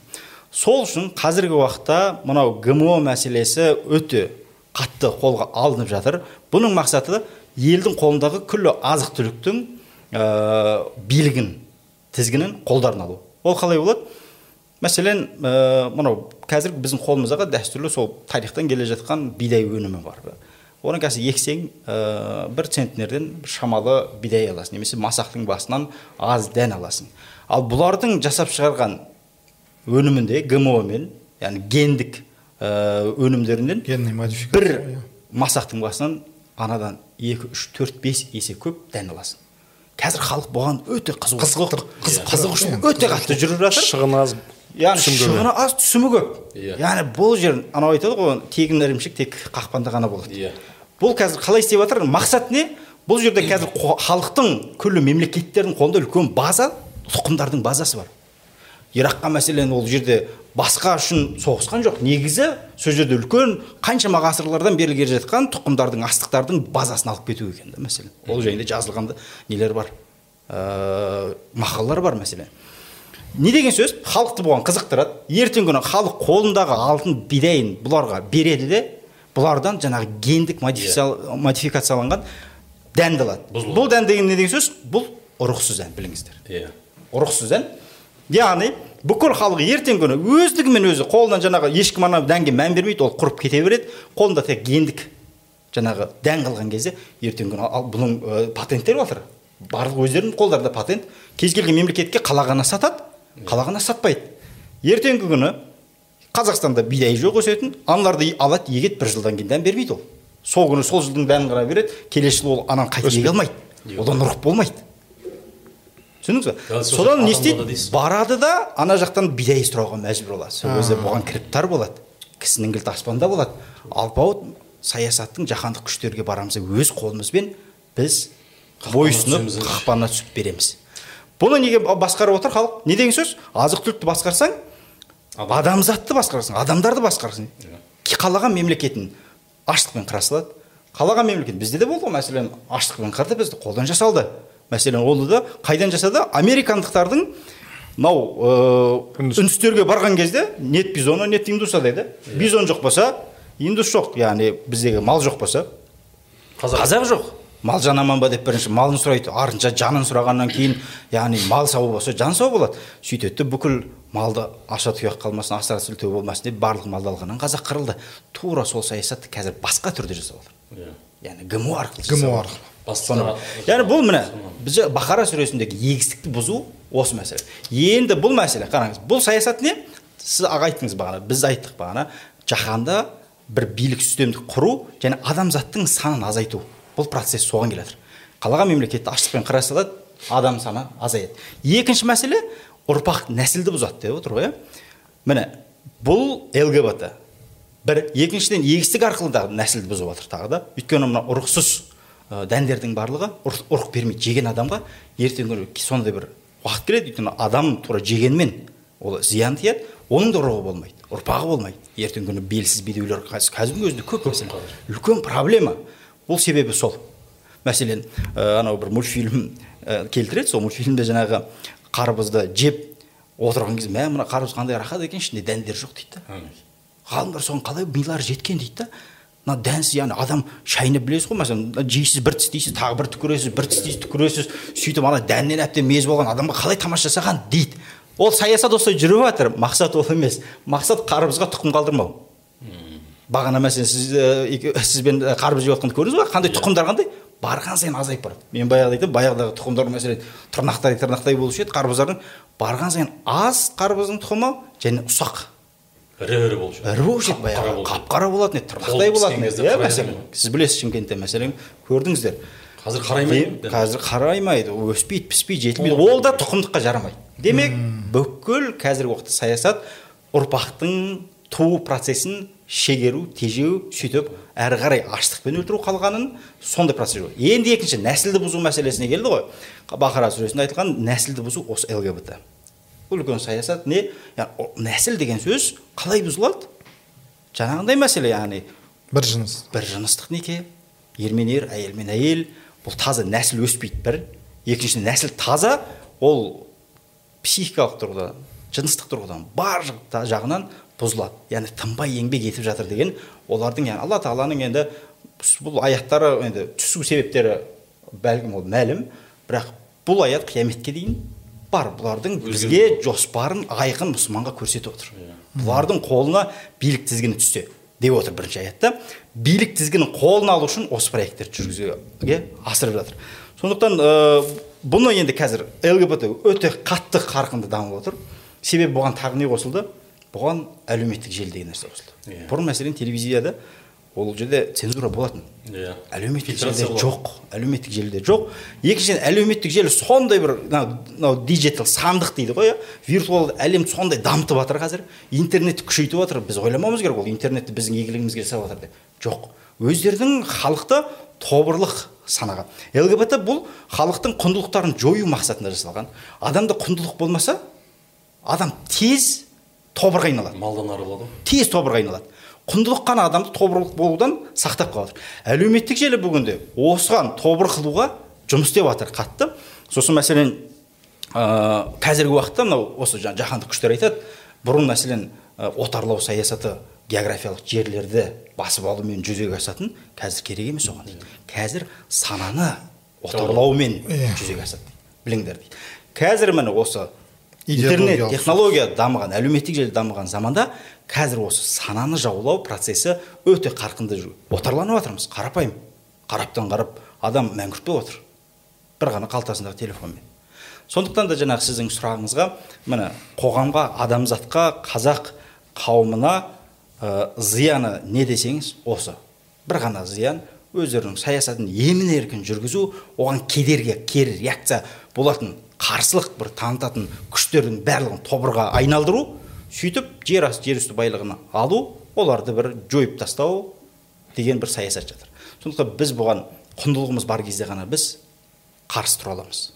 Бұл құндылығымызды сақтауымыз керек. Ұлттық құндылық әсіресе отбасы институт құндылығымызды қатты қадірлеуіміз керек. Әйтпесе бұлардың құралына айналамыз бұлардың тобырына айналамыз.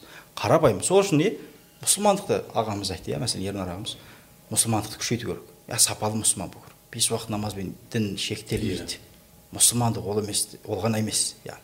Сапалы яғни әлемдік жаһандық саясаттан өзгерістерден хабардар болу ә, критикалық аналитикалық ойлау қабілетін күшейту әрі солардың келіп жатқан осындай құрықтарына алдын ала түспеудің пландарын құру.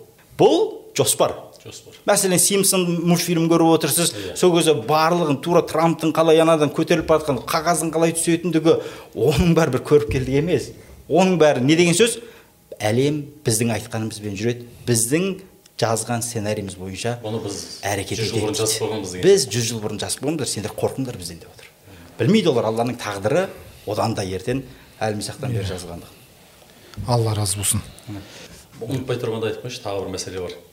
Мен кентау қаласында туып өстім бұрынғы шымкент облысы түркістан облысы сол кентау қаласында көп ұлт тұрды бұл мәскеуге тікелей қарайтын ә, мәскеу қамтамасыз ететін бүкіл жаңағы қазақстанда жоқ заттардың бәрі кентау қаласында болды бұл кентау қаласын салудағы мақсат түркістанның түркі әлемінің рухани орталығы кіндігі болған хандар мен билер болыстар батырлардың әулиелердің жатқан жерлерін ә, абыройын төгу мақсатында түсіру мақсатында салынған қала екен.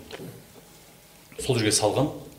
Енді тауды шұрқ тесік құмырсқан илеуінде қылып кесіп тастаған. Қазір соның жаңағы зардабын шегіп жатыр. Қаланың әрбір жерлері ойылып ойылып жердің астына түсіп кетіп жатыр. Кәдімгі бес этажды үйлер кіріп кетіп өткенде түсіп кетіп оны жаңағы тез эвакуация жасап адамдарды шығарып үлгеріп жатыр. Оны жаңағы термен тек- тегістеп астына бетон құйып енді әбігер болып жатыр.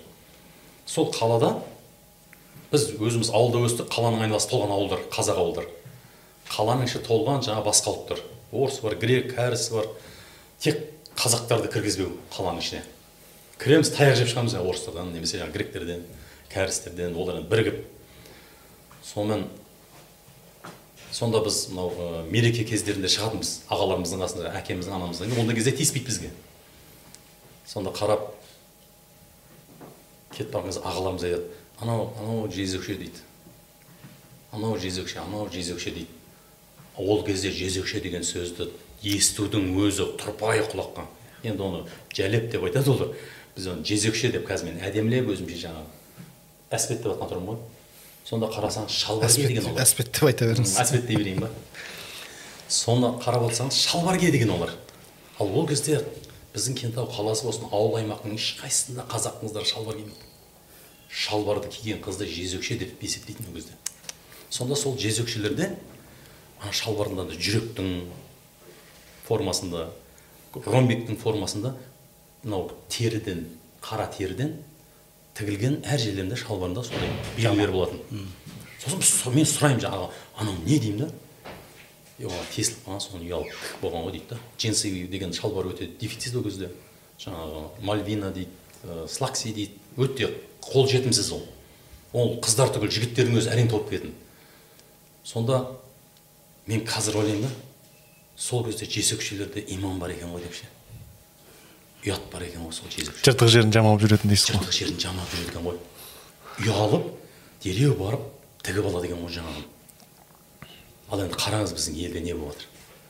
Қазақтың ұзатылайын деп отқан әдепті білімді әлі пәк деп жүрген қызы айырып айырып тастап киіп жүр шалбарды да бұрын шамасы жоқтар киетін еді қазір санасы жоқтар киетін болды шалбарды мысалы да сондай жыртық шалбар оған біз кәдімгідей о менің қызым жыртық шалбар киетін болды деп әкелері аналары абыроймен қарайтын болды. Міне модадан қалмайды менің қызым деп.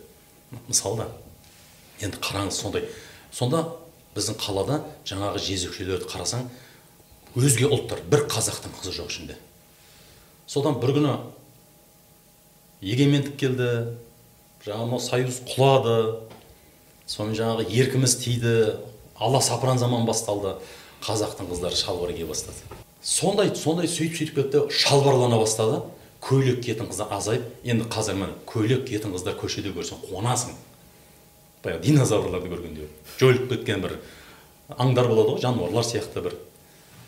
Немесе өсімдіктер сияқты. Қызыл кітапқа кірген. кітапқа енген сияқты. Көрсең қуанасың. Мен қазір әдетке айналдырдым. Көйлек киіп жатқан қыз көрсем айналайын мың жаса. Бақытты бол. Не деген әдемі көйлек деп. Айтып өтіп кетемін таны танымаймын. Комплимент айтып өтіп кетемін. Сондай әдетке айналдырдым. Түһ шіркін көйлек орамалың қандай әдемі деп ше?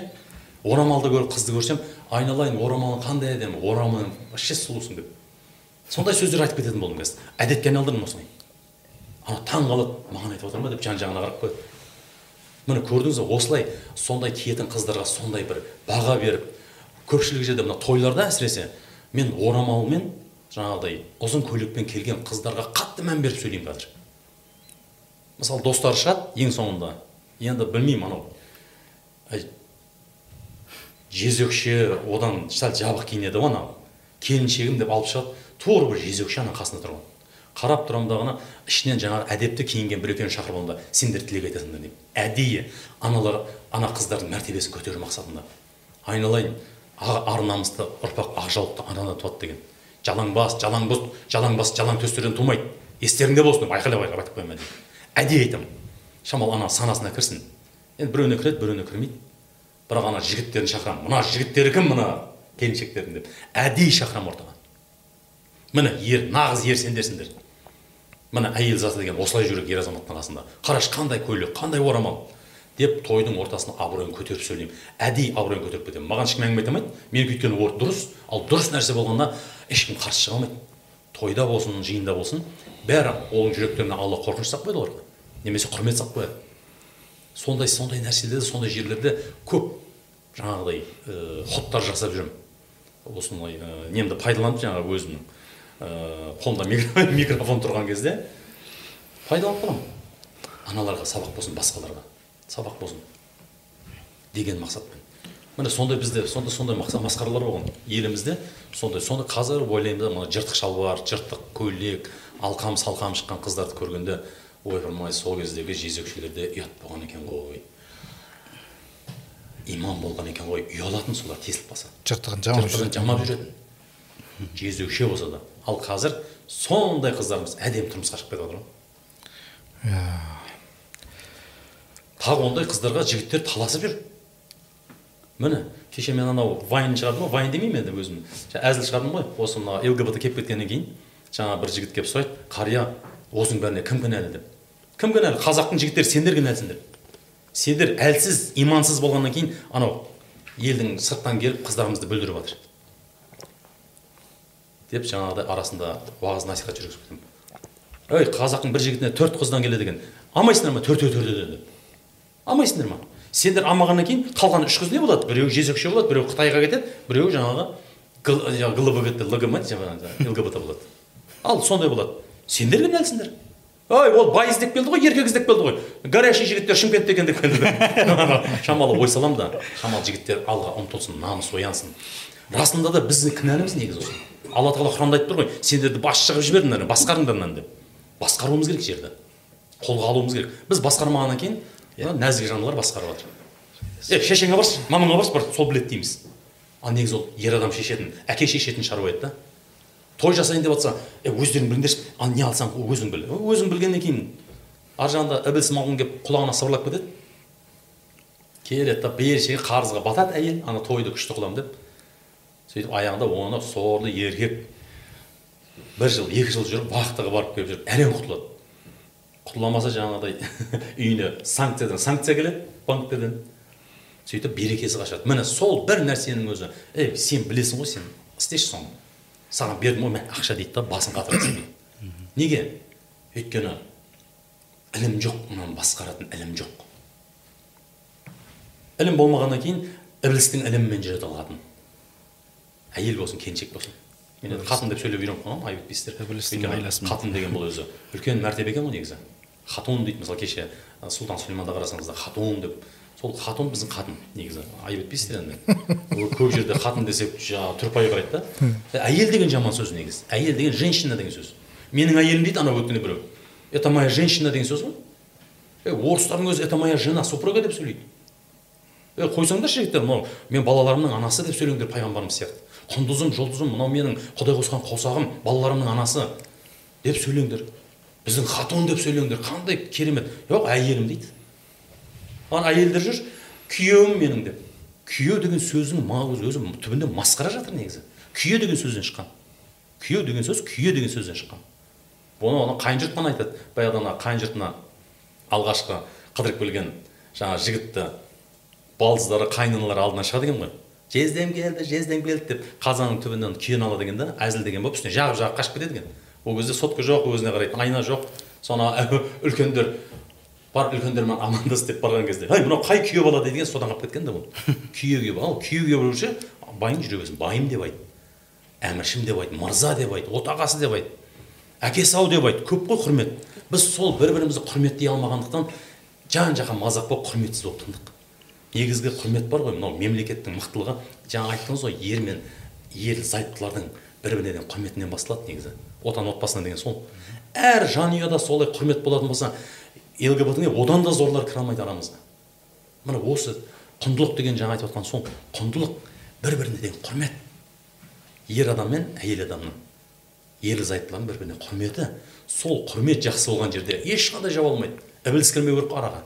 Ол кіргеннен кейін талқан шығарады алла разы болсын қалмаға қайта берейін болды осымен деп па? Болды болды осы жаңағы әйел мәселесіне байланысты осы сөз кішкене қызықтырып бір қараған болдық. Енді сұмдық қопарып тастаған жоқпыз.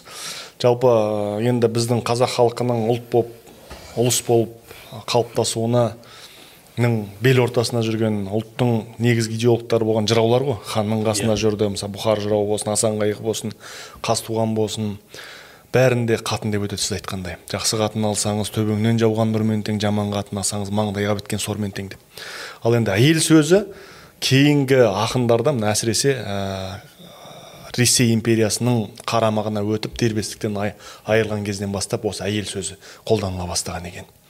Көрдіңіз ба негізінде отарлаушы елдер өзін отарлайтын былай айтқан кезде құрбандарының бірінші сөздерін түсініктерін өзгертеді екен. Ол жерде жаңағы фольклорист шпиондар жұмыс жасайды кәдімгі институттар. Жаңағы сөздердің әртүрлі мағыналы керемет тамаша сөздердің мағынасын өзгертіп оған жаман жаңа арсыз ұятсыз мағыналарды Теңеп, жүктеп иә. соған жаңағы бойына сіңіріп сөйтіп ел жұрттың арасына жаяды. Оны оған жаюға көмектесетін ондай сұмырайлар арсыздар көп болады ғой мынау қоғамда. Солар соған жұмыс жасап соның бәрі таралғаннан кейін халыққа көп жағдайда енді сондай жеңіл сөз керек деген секілді. Содан кейін сол мәселедегі бір тамаша мағыналы хикметті сөз айтып отырса адамдар ананы жеңілге алып мән бермейді сөйтіп жаңағындай тамаша дүниелерден қорғап отыратын жайлар болады екен.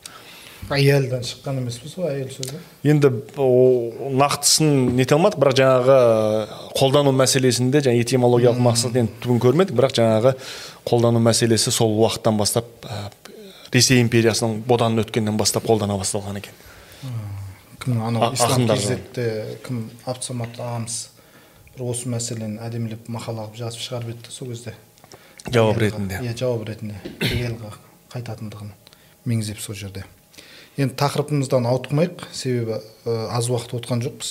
Біз екі сағаттан кейін мына камераларымыздың өшіп қалатын әдеті бар. Олар да қызып кетеді олар да қызып кетеді бізбен қоса. Соған ә, енді сәке қайтадан өзіңізге сұрақ сіздің нелеріңізге байланысты. Енді мынау саф ә, медиа компаниясының директорысыз ғой. Жалпы медиа жобаларға қатысыңыз бар. Оң жақ сол жағын қарап жүрсіз. Netflix фильмдерінде лгбт көріністері кең етек жаюда және сонымен қоса екінші ә, қысқаша айтып кетейін. Инста және фб сияқты парақшаларда мысалы осы лгбт ға қарсы бір нәрсе жазатын болсаңыз бір нәрсе жариялайтын болсаңыз сіз бұғаттап тастайды бірден. Болды кеше сондай. Шымкентте осыған қатысты не айта аласыз діндерінен шығарып жібереді деп болды қойсайшы кәдімгідей өшіріп немесе жаңағы неңіз түсіп кетеді. Рейтинг. Рейтингіңіз рейтингіңіз түсіп кетеді. Инстаграмдағы немесе фе- фейсбуктағы қаралым бәрі бірден азайып кетеді. азайтты таралымда азаяды. Осыған қатысты не айта аласыз енді ә, жалпы айттық қой бағана өзі голливудтың тарихына назар салсаңыз бұл таза ізгілікке қарсы бір соғыс ретінде басталды да негізінен. Азғындықты насихаттаудың құралы ретінде басталды. Бұл алып отыр әлі күнге дейін бүкіл медиа саласын ә, қолында ұстап отыр қазіргі уақытта. Өйткені біледі олар ақпаратқа ие болған ол әлемді басқаратындығын бұны жақсы білгендіктен бұны қазір өздерінің үлкен бір қару ретінде ұстанып отыр. Еңді ең сорақысы келе жатыр сіздерге айтайын. Мынау голливудта жақында ә, былтыр яғни 2020 жылы голливуд және оскар өзінің жаңа бір ә, мәлімдемелерінің талаптарын шығарды қарар дейді ғой былайша айтқан кезде. Онда ек, бұл 2024 жылы енгізіледі. Сондағы талаптарға келетін болсақ мынау үздік оскар жүлдесі әсіресе. Оскар жүлдесі алу үшін ә, міндетті түрде ол фильмде ә, басты рөлде немесе екінші пландағы рөлдерде ә, өте мынау аз болған топтар бар ғой нәсілдер топтар солардан болу керек деген. Оның ішіне жаңағы лгбт да кіреді. Яғни солардан болу керек. Екінші талабы ә, жаңағы фильмдердің ә, түсіру барысында 30 пайыздан кем болмау керек. Міндетті түрде лгбт ның өкілдері мүшелері болу керек. Осындай шарт бар. Ел қатарлы жүру керек яғни фильм бір фильм ұсынатын болсаңыз қазір оскарға үздік фильм номинациясына түсетін болсаңыз қарайды сізден бірінші. Кәдімгідей артында жаңағы сценарист болсын оның артында жаңағы түсіретін оператор болсын режиссер болсын продюсер болсын барлығы ең аз 30 пайыз болу керек. Ең аз 30 пайыз 30 пайыз лгбт өкілі болу керек. Ол болмаса сіз үздік фильм болып саналмайсыз оскарға мүлдем яғни үмітіңізді үзе беріңіз. Ә, және де ол өтпейді да ол фильміңіз. Көрдіңіз ба екі мың жиырма төртте бұл қабылданады ә, яғни ә, күшіне енеді демек не деген сөз алдымыздағы ұрпақты тек қана осындай сахналармен ғана көре аламыз. Сосын бұрыннан келе жатқан жоба болып тұр ғой енді бұл осыған келді ғой осыған келе жатыр. Аздап ақсап екінші мәселе жаңағы netflix дедіңіз енді әлемде қазір мәселен 190 мемлекетте бұл қызмет көрсетіп жатыр бұл netflix. Және де 2018 жылдың өзінде фильмнің өндірісі үшін ойлаңыз 8 миллиард доллар жұмсаған бұл. Сосын енді қараңыз әрбір компанияның өзі жазылмаған бір заңы болады. Бұл netflixтің де жазылмаған өзі заңы бар яғни өздерінің талабы ә, шарттық тұрғыда яғни заңдық тұрғыда бұл шарттарын бекітпесе де бұл шарттар жүр ол лгбт ны насихаттау және заңдастыру заңы. Және сол себепті бүгінде бүкіл лгбт ның фильмдерінде гомосексуализм ә, ненің нетфликстің бүкіл фильмдерінде гомосексуализм насихатталып жатыр. Қарқынды түрде насихатталып жатыр. Кәдімгідей. Оның ішінде педофилизм де бар. Ол да насихатталып жатыр. Ә, мәселен түркия бұған қарсы шығып кәдімгідей бұны тоқтатқан еді. Бір фильм сериал келген болатын. Таза педофилизмді насихаттаған. Айналайын сен бізде мына жақтан тыямын деп жатқан кезде бұлар насихаттау ертең сен бұған тыйым жасай алмай қаласың. Мәселен. Енді қараңыз бұлардың барлығы не? Бұл ә, ендігі алдағы жоспарлар қазір мәселен netflix бастады ә, не келе жатыр. Бұған дейін болмады деген сөз емес бұл. Бұған дейін болды. Бұған дейін көз үйрету мақсатында манипуляциялық жағдайлармен беріп отырды. Фильмдерді міндетті түрде бір актер сондай болады фильмде бірнеше актер сондай болады. Соны жүргізіп келе жатыр. Оны қарасаң мультфильмдер де бар. Мәселен жақында ғана өздері өзі насихаттап мынау лгбт ны қолдау үшін бір төрт па кейіпкерлер мультфильм кейіпкерлерін ә, пиксар бар. Сол жариялады мәселен. Оның ішінде спанч боб бар. Яғни спанч боб гей. Балаларымыз соны өлтіріп тұрып көреді қазір. Белгісіз мәселе ойыншықтарын алып ойнайды. Енді ол спанч боб та бар дедік жалпы ол қарасаң мәселен вперед деген мультфильм бар ол жерде де бар симпсон да бар сейлор мун да бар. Мәселен сейлор мунды бәрі көрген балалардың көбісі мәселен. Ә, одан басқа эй арнольд деген де бар. Артур футурама дейді гриффины дейді. Яғни қарап отырсаң бүкіл мультфильмде сіз осылардың өкілдерін көресіз. Балаларға қазір қатты осыны насихаттап жатыр сіңіріп жатыр ол ойыншық ойыншық болып қалады. Біз бүгінгі мәселе қарсы шығып айтқан нәреміз ол уже адамның түп санасында бала шағамыздың түп санасына баяғыда сіңіп кеткен. Енді не істеді? Бұлар бұлар кіріп жатыр енді. Бұл мәселен біздің мынау экраннан кірсе қазір есіктен кіріп жатыр алла сақтасын. Қақпадан кіріп жатыр демек не деген сөз бұған цензура керек. Біз талай айтамыз. Мәселен қазір бұны айтсаң айтады сенде параноик дейді мәселен. Анау дейді мынау дейді сөйтіп қабылдайды халықтың көбісі. Олай емес. Қалай тыямыз десеңіз тек қана цензура қоясыз сен қарапайым мәселен балаңа дос іздесең бір нянька алсаң да қарайсың ғой бұл сау адам ба? Тексересің? Не адам? Зиян тимей ма? Тура сол секілді. Телевизорды ашсың ба түсіріп жатқан өнімдердің бәрін қара.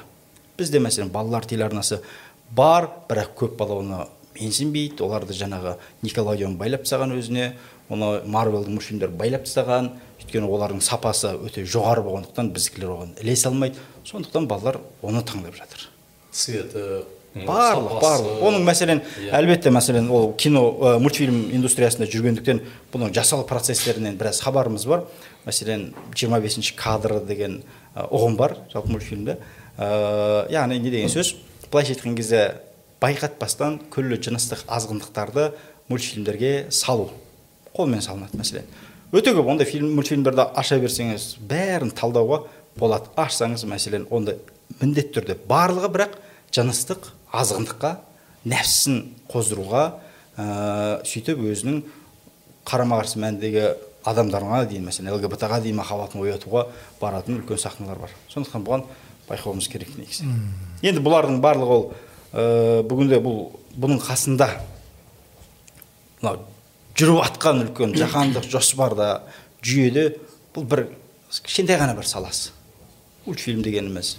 Иә? бірақ жан жақты кіріп жатыр негізі. Сондықтан енді мәселен кино саласына өте мұқият болу керек. Олардың өзінің мәселен арсыздықты заңдастырудың жолдары бар. Бұл әлеуметтану ғылымында акно авертоны дейді авертонның терезесі деп аталады. Бұл қарапайым мәселен американың өзінде осы лгбт ны заңдастыру үшін қолданылған үлкен методика. Бірінші терезесі ол жаңа ақылға қонымсыз кезең деп атады. Қабылдай алмайды ешкім. Ақылға қонымсыз нәрсе бірақ шығарады. Қоғамда сол кезде үлкен тепкі болады.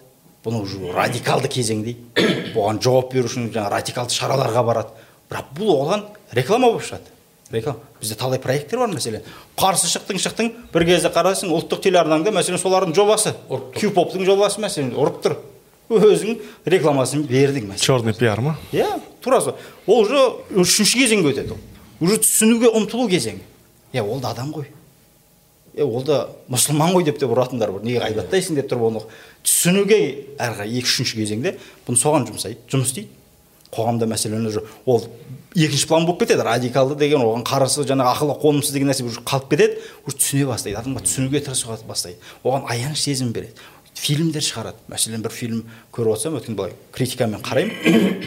Бір басты рөлдегі адам мәселен гей болып қалады. Гей негізі. Жаңағы дүниеден озады да. Ананың бірақ ана бір сезім керемет бір жақсы қасиеттерді бойына жинап береді.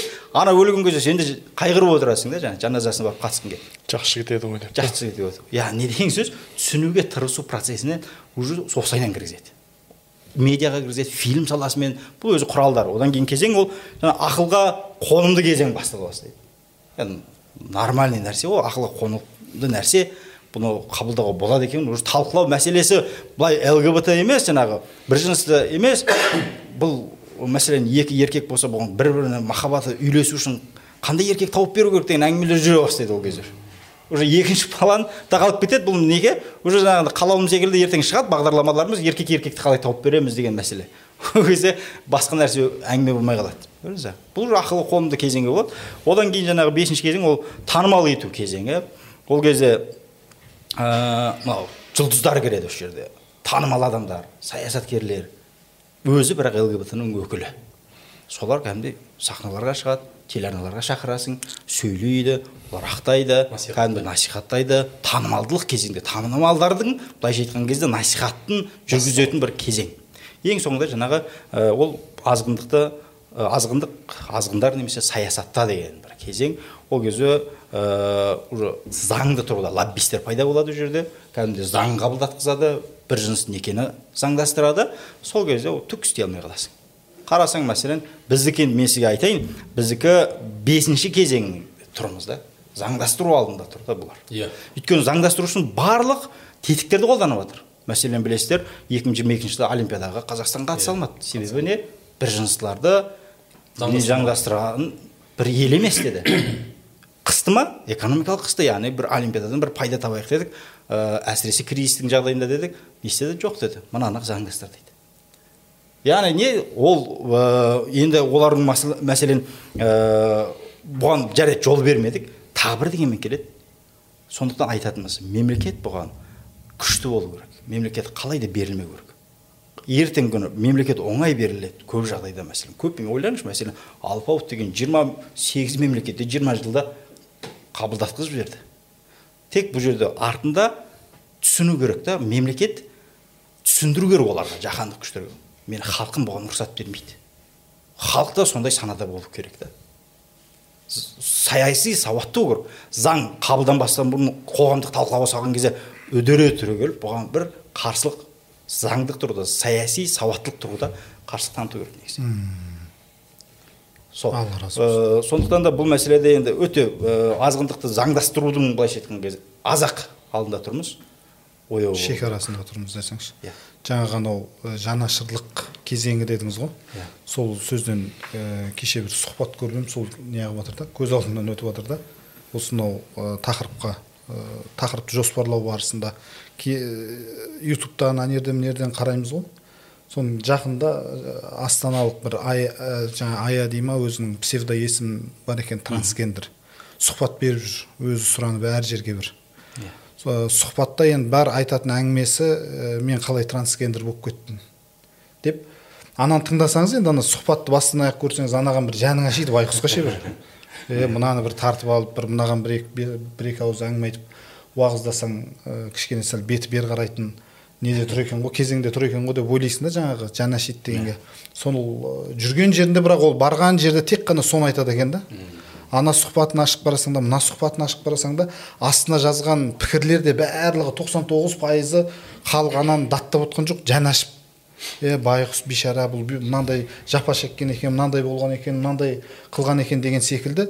Тек сондай позитивті нелер пікірлер астында. эмоциямен ойнау дейді да ол Иә. барлығы иә. Манипуляция жасайды ғой. Мүсірк мүсірк етіп өзінің жаны ашыртып иә. Кез келген істі кез келген осындай жағымсыз нәрселерді жалпы елге келген нәубетті ә, кешегі ашаршылық қуғын сүргін барлығына барлығына біз қазақ өзіміз кінәліміз негізі. Айтады ғой кінәні бірінші өзіңнен ізде деп. Мысалы ашаршылықтың алдындағы тарихты шамалы қарасаңыз не деген ысыраптар болған. Ас беру күшейіп кеткен. Абай жолын оқысаңыз бөжейдің асы құнанбайдың асы. Не деген ана кітаптан ағып жатқан май жілік жілік ет. Анау көшеде далада жатқан тамақтар. Ысырап кәдімгідей. Мың жылқысы бар адам екі жүз жылқысын жаңағы асқа беріп жібереді. Екі жүз жылқысы бар анадан қалмайын деп ол түгел беріп жібереді.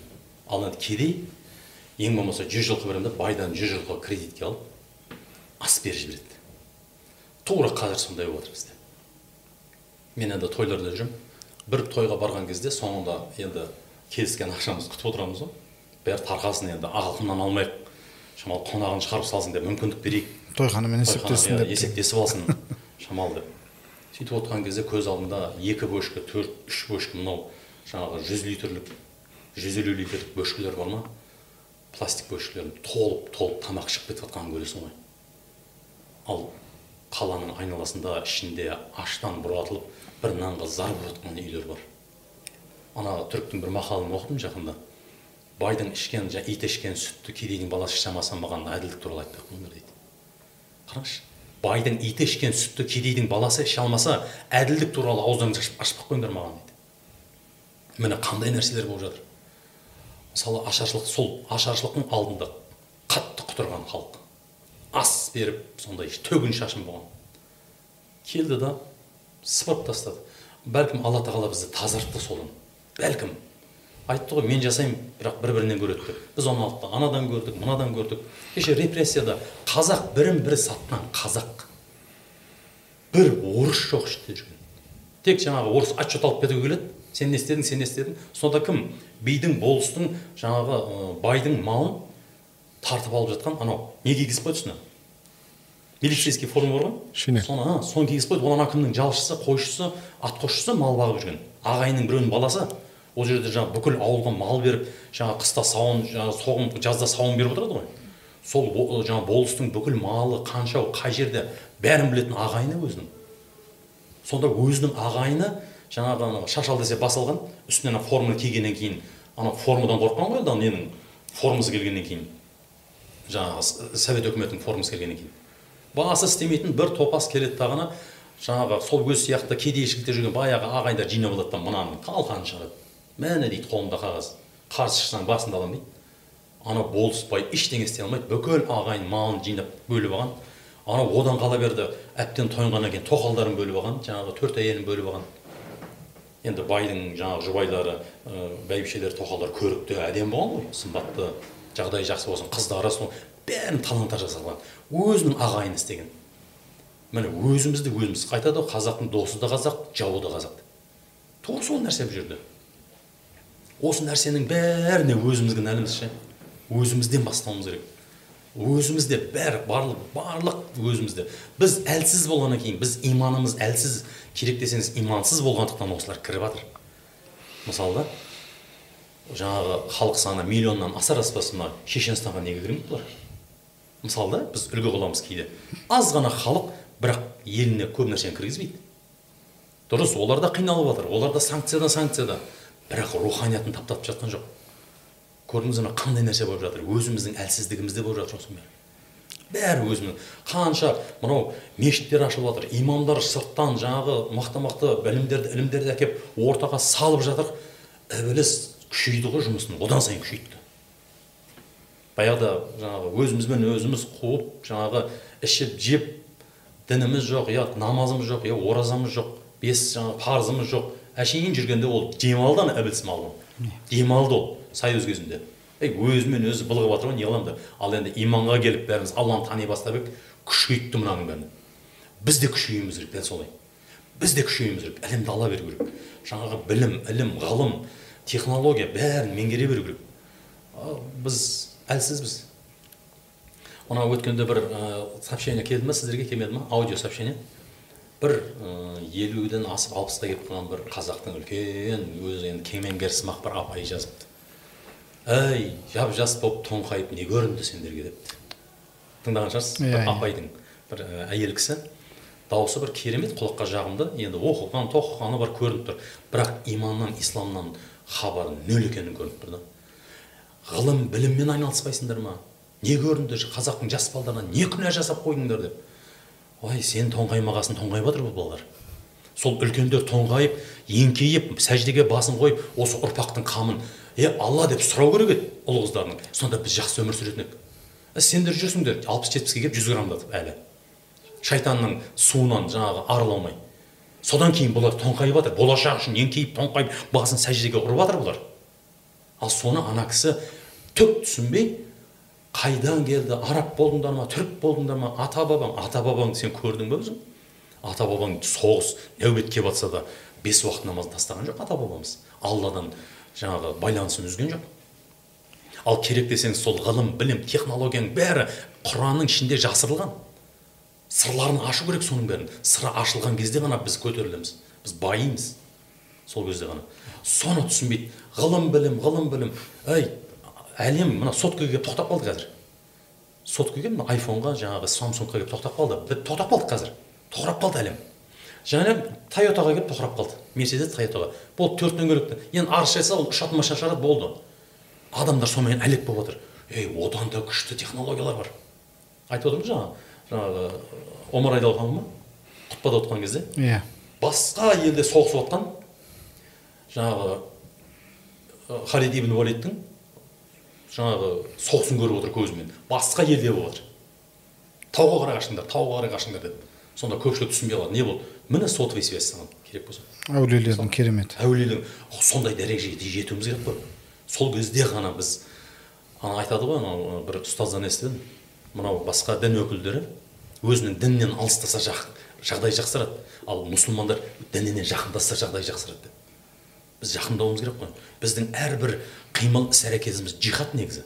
Мынау джихад деген нәрсені де көп түсіндіру керек бізге. Осыған көп жұмыс істеуіміз керек. Мынау джихадтан қорқады адамдар. Ал сенің үйіңнен шығып е алла бала шағамды бүгін нәпақа тауып келейін дегенің джихад уже.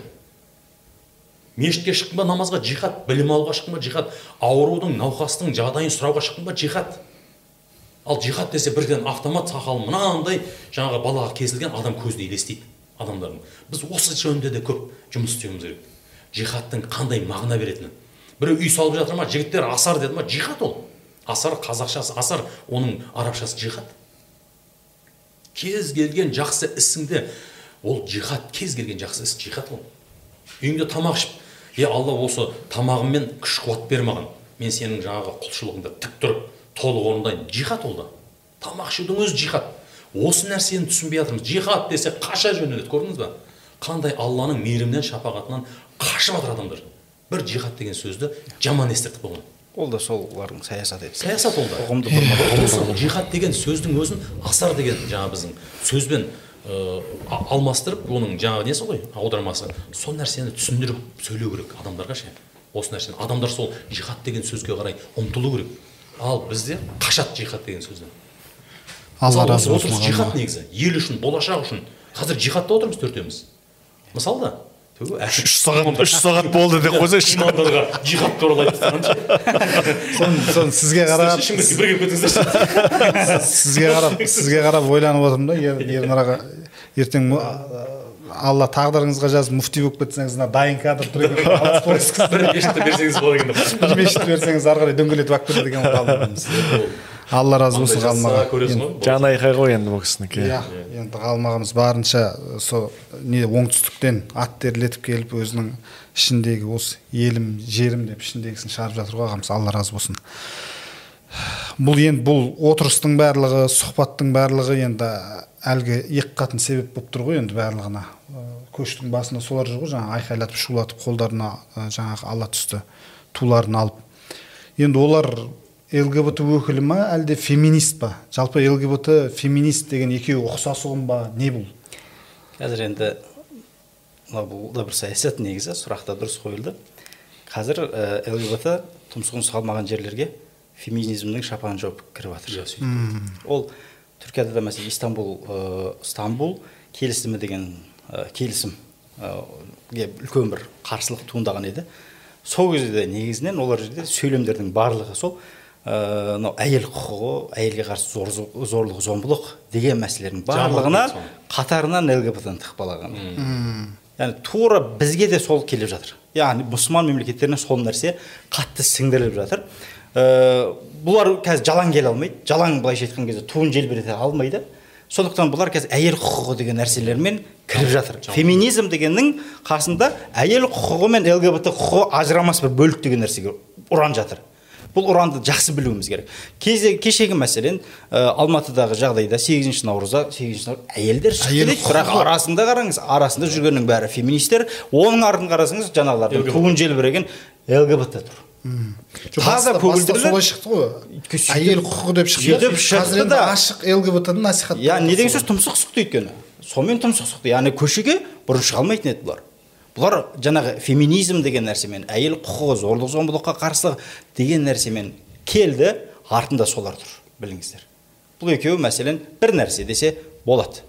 Сондықтан бұл ә, біліңіздер енді бұлар екінші мәселе қозғап жатыр бұған енді қазір біз қарсы сөз айтып жатырмыз ғой.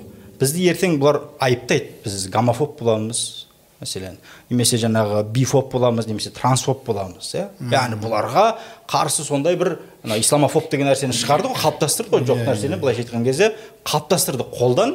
Енді бұлар сондай ұғым қалыптастырып жатыр. Ә, керісінше бізге қарсы айыптаулар жүреді ертеңгі күні. Енді қараңыз тағы бір жаңа термин шығып жатыр бұл ислам гомофоб деген нәрсе шығып жатыр ислами гомофоб деген нәрсе келіп жатыр. Яғни ә, бұл енді сіздерге де қарсы бұл айыптау басталды негізі. Ә, жаңағы ислам гомофобы деген нәрсе. Ә, байқасаңыз осы феминита қозғалысының ә, құқық қорғаушысы ә, татьяна чернобыль тура азаттыққа тағы бірнеше өздерінің ә, иә, өздерінің ә, нелерінде ә, бұқаралық ақпарат құралдарында айтты. Былай деді. Ол жаңағы мейрамханаға қарсы наразылыққа шыққандардың ішінде жиырма шақты адам келді. Оның ішінде ислам дінін ұстанушылар полициялар сосын басқа адамдар қараңыз екпінді қайда тастады. Ислам дінін ұстанушылар деді не деген сөз? Бұл негізі ислам гомофоб деген нәрсе бар. Енді міне біздің қазақстанға сіздер бастадыңыздар. Былайша айтқанда бұл терминді сіздер алдыңыздар алғаш. Бұл термин қазір не ә, қолданысқа енгізілу процесінде бүкіл әлем Әлемдік деңгейде. әлемдік деңгейде. Сондықтан бұл нәрсенің барлығы ойламаңыздар. Мәселен феминизм ол бір бөлек лгбт бір бөлек деген нәрсе. Ол әйелдің құқығы қорғау деген нәрсе ол әйел мен әйелдің махаббатына қарсы ә, болмау деген деп түсінуі мүмкін. Олар олай деп түсінбеуіміз керек та. Әйел мен егер де құқығын қорғайтын болса неге деймін да? Бүкіл жарнама құралына айналды әйел. Яғни өзінің тәнін жалаңаштап қазір кез келген көшенің жарнамасына қарасаңыз жалаңаш еркекті көрмейсіз? Жалаңаш әйелді көресіз? Суды тек қана әйелдер ішетін ішетін құсап әйелдер тек қана жаңағыдай алма мойын ақтамағын көрсетіп тұрып ішетін тек қана әйел. Болмаса бүкіл рекламаның құралына айналды. Феминизм болса яғни әйел құқығына жаның ашса неге соны қорғамайсың? Сен жарнаманың құралына айналдың. Иә. Соны неге қорғамайсың? Сен күллі өзіңнің қымбат деген тәніңді бір пропаганданың құралына беріп қойдың. Соған неге қарсы шықпайсың? Жоқ демек бұлардың мақсаты басқа. Бұлардың мақсаты таза ә, нәсілді бұзу. Жаңағындай айтқандай мәселен мынау ер адамның мәселен эрогенді зоналар деген болады нүктелері болады. Жалаңаш қатындарды көре бергеннен кейін көре бергеннен кейін ертеңгі күні қызықсыз болып қалады. Өз әйеліне де қызық болады барлығы өледі. Яғни не? Бұл жерде таза жаңағындай нәрсе де. Ол әйел қызық болмайды ол ұрпақ тоқтайды. Оған деген жаңағындай қызығушылық болғаннан кейін ол қызықты басқа жерден әйелден емес басқа нәрседен іздейді. Ол үшін және еркектен іздеуі мүмкін әйел, әйелден іздеуі мүмкін. Осы жақында мәселен бір ә, қай шетелде мәселен бір ә, айғырмен үйленген барып шіркеуге барғанда некемді қи дегенде бұл қимаймыз деген. Заңды тұр ғой да сот бер, сотқа берген. Иә. ертеңгі күні мен сенімдімін бұл соттан жеңіп шығады. Шіркеуді жеңіп шығады былайша айтқан заңда тұр ол. иә. Ол ойнамай қалады жылқы былай тұрсын итпен де некелесіп жатқандар бар өліктермен некелесіліп жатқандар бар. Э, қарапайым үйдегі зат. Олардың барлығы мәселен ауытқушылық негізі психикалық. соны түсінбей жатыр. Енді ә, қорыта айтатын болсақ яғни ә, түсінгеніміз бойынша лгбт менен мынау феминистердің арасында ешқандай айырмашылық жоқ. ЛГ- лгбт деп қоғамға кіре алмаған жерге бірінші осылай феминист болып кіріп Иә. содан кейін барып өздерінің осы лгбт қозғалысын жариялайды ғой яғни. Сол саясат басқа ештеңесі сол жоқ алла разы болсын. тұмсық сұғуға бұл бір ә, құрал Құрал. феминизм деген ұран. Басқа бір кейіп те көреді да. Феминиталардың енді барлық айтатын ә, ұрандары әйелдердің құқығын қорғау. Енді ә, бізде исламда ә, әйел құқығы қаншалықты? Ә, жоғары тұрады. Сол жайлы айтып берсеңіз исламның келуіменен әйелдердің құқығының қаншалықты артқандығы деген сияқты мысалы әуел енді осы бағанағы тақырыптан берге алсақ ә, жалпы адамның намысына арына абыройына ұятына иманына жалпы адамдығына қауіп төнетін соған қарсы болатын нәрселерді қорғайтын ә, тек қана ислам жүйесі. Бұл исламның мақсаты да адамды бақытты қылу сондықтан да осы әлемдегі әртүрлі жаңа біз айтқан бар айтпаған бар біздер білетін бар білмейтін бар болашақта шығатын бүкіл жамандыққа қарсы тұратын тек қана бір ғана күш бір ғана жүйе ол ислам. Сондықтан да исламға қарсы шығушылар ол ақыретке дейін болады. Сол үшін енді біздің басты күштілігіміз немесе басты қаруымыз мұсылман болып яғни шынайы түрде мұсылман болып білімді иә. өмір сүрсек сол кезде ғана төтеп бере аламыз деп ойлаймыз. Себебі абай атамыз біздің баршамыз айтты баламды медресеге біл деп бердім қызмет қылсын шен алсын деп бермедім дейді. Яғни біз қай салада болмасын өмірдің қай арнасында болмасын біз исламды білуіміз керек исламмен өмір сүруіміз керек. Сол кезде біз иншалла осындай айтылған бүкіл арсыздыққа төтеп бере аламыз. Енді кезі келеді әрине пайғамбарымыз саллаллаху хадисінде бекер айтпаған имам қалқан деген. Яғни бұл жерде мемлекет басшысын пайғамбарымыз қалқан деп отыр. Ораза қалқан дейді. Яғни бізді басқарып отқан бізге жанашыр ағаларымыз осы халыққа қалқан болып осындай арсыздыққа ел болып жұрт болып не істеу керек? Мемлекеттік тұрғыдан тұрып беріп жаңағы айтылған ютубы болсын фейсбугі болсын инстасы болсын соның барлығына цензура қойып яғни менің халқыма мынау көрсетілмейді деп осындай бір дәрежеде келмесе ғалым айтқан екен сен үйіңді есігіңді құлттап терезеңді жаптың бірақ телевизорыңды аштың дейді да не қас- не ол есігіңді жапқаннан терезеңді жапқаннан не пайда қалды? дейді да сен не істедің? Телевизорды ашып қойдың дейді. Интернетті ашып қойдың деген секілді мәселе. Сондықтан да иә сондықтан да ә, кезінде ә, ақындар айтсын айтып еді қорқамын мен баладан телевизор қараған әке соның кітігі шеше соның караван деп. Сол секілді иә біз деген ә, есігімізді жабамыз ә, тереземізді жабамыз бірақ өкінішке орай мынаның барлығы лек легімен жаңағындай топан ішінде жаңағындай жаңқасы бар темірі бар қоқыр соқыры бар күресіні бар. Ағып келе жатқан бір заманның ағысында оны саралап жаңағындай жақсысын алу ол әрқайсының ә, қолынан келе бермейді. Сондықтан да ә, мемлекетіміз басшыларымыз жанашыр ретінде қалған ретінде біздерге осы ә, бір жағдай жасаса деген біздің жаңа азамат ретінде ұсынысымыз өтінішіміз. Енді кезі келеді қарасаңыздар кезінде тарихта өткен мысалы қалқаман мен мамырдың оқиғасы. Сондай бір жағдай болды не істеді аяғын жоқ. Өйткені біздің құдай өзі сақтасын денемізде бір ә, обыр немесе рак пайда болса ол сенің қолың болса да аяғың болса да немесе басқа мүшең болса да сен оны кесіп алып тастауға бел буасың. Қимасаң да кесуің керек. Өйткені сен оны кеспесең бүкіл денең келеді. бүкіл денең кетеді сенің өмірің кетеді. Сол секілді сондай жағдайларды бабаларымыз не істеді? Аяушылық танытқан жоқ. Иә. әділеттілікпен не істеді? Бауыры болса да өзінің ішінен шыққан руласы болса да оққа тікті. Атты. Мысалға қодарды және оның жаңағы келінін қалай жасағанын біз тарихтан абай жолынан білеміз. Әлі күнге дейін сол ә, құнанбай атамызға осы қодар мәселесінде айып тағылатындығын жақсы білеміз сол үшін де кез келген кезде осындай жаңағы жоғарғы құзырет тұрғысынан ә, мемлекеттік идеология тұрғысынан жаңағындай тосқауылдар болуы қажет. Енді ә, мұсылмандардың жаңа сіз де сөз басыңызда айттыңыз ә, көп нәрсеге енді өзіміздің де енді септігіміз бар. Себебі ә, сендер қалай болсаң солай басқарыласың деген мәселе мәселесі бар. Одан кейін енді алла тағала ешкімге зұлымдық жасамайды. Алла тағала әділ. Біздің де жаңа пенделігімізге ә, кемшілігімізге байланысты бастарымызға сынақ төнетіндігі. Ол ақиқат. Кезінде жаңағы ә, өздеріңізде хабарларыңыз бар. Мынау бағдатта ә, шыңғыс ханның ұрпағынан болған хұлағы басып алып кітапхананың бәрін жаңағындай жағып өртеп жаңа ефрат өзеніне кітаптарды ағызып жатқан кезде жаңа осы елде бір ғалым бар ма? Шақырмен бір сөйлесейін деп жаңа айтқан екен дейді сонда енді ғалымдардың көпшілігінің дәті шыдамаса керек. Енді ол да адам баласы жаны тәтті пенде баласы. Сонда жаңа медреседе сабақ беріп жүрген жаңағы сақал мұрты ентебен деп шығып жатқан жас жігіт жаңа қарахан деген жігіт барады екен. Сөйтіп жаңағы шыққан кезде өзімен бірге бір ешкіні және түйені жетектеп алған дейді. Сөйтіп жаңағы хұлағуның шатырының алдына келген кезде кірсін деп айтты дейді. Кірсе қараса жаңадан жаңа бозбаладан енді жігіттік өткен жігіт екен сонда айтты дейді сендер не араларыңда үлкен кісі жоқ па не?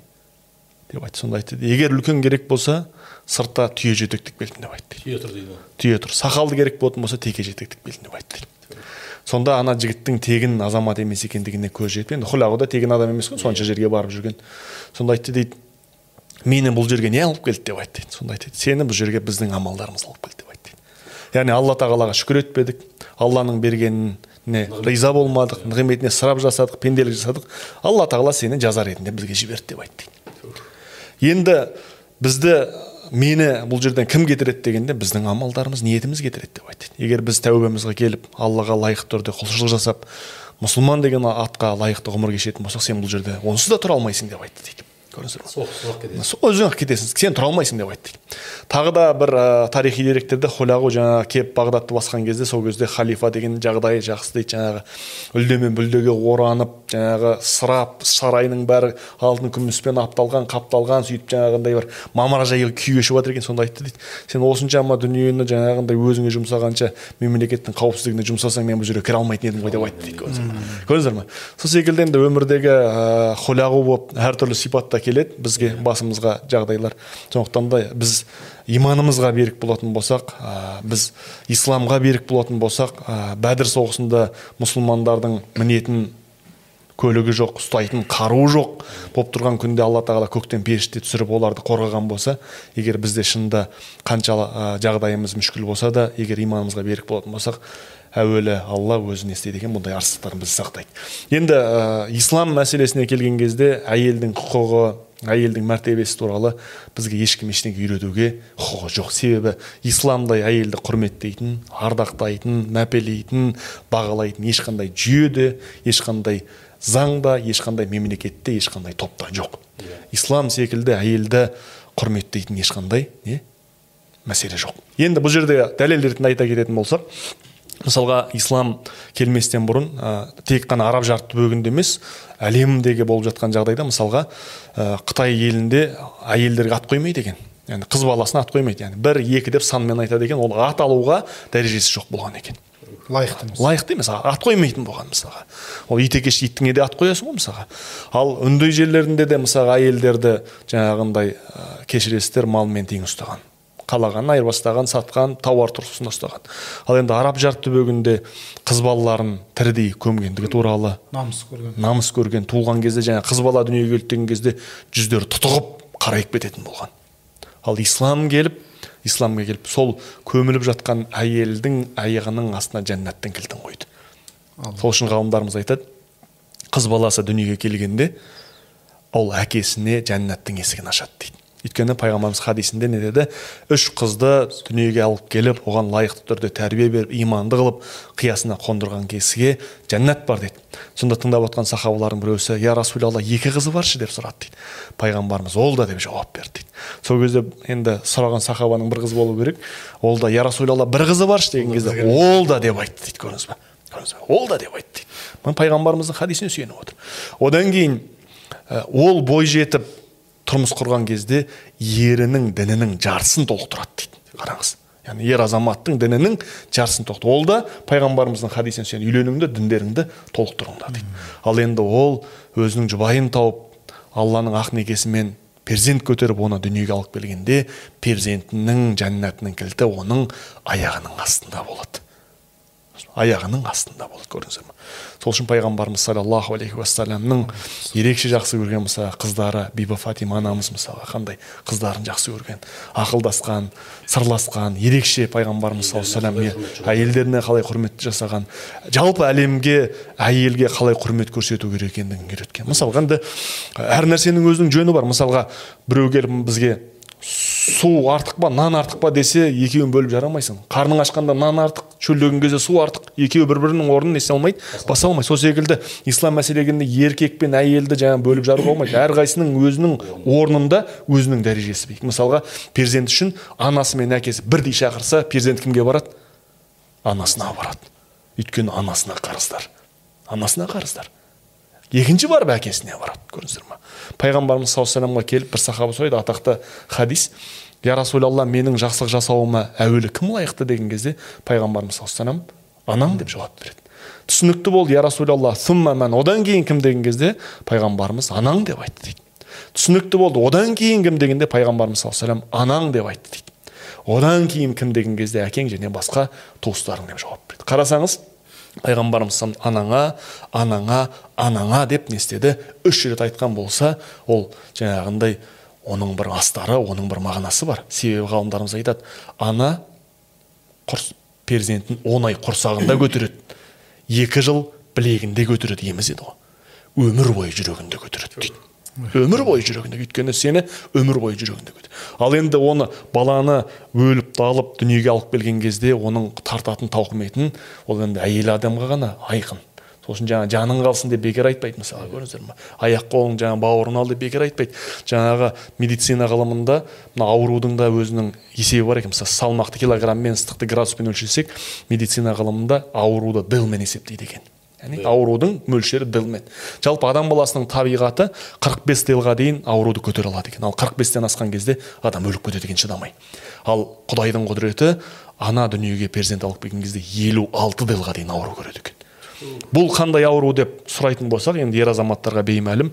бір сәтте жиырма сүйегіңді сындырған кезде қандай көр, қиындық көрсең ана сондай жаңа тауқыметпен баласын дүниеге алып келеді екен.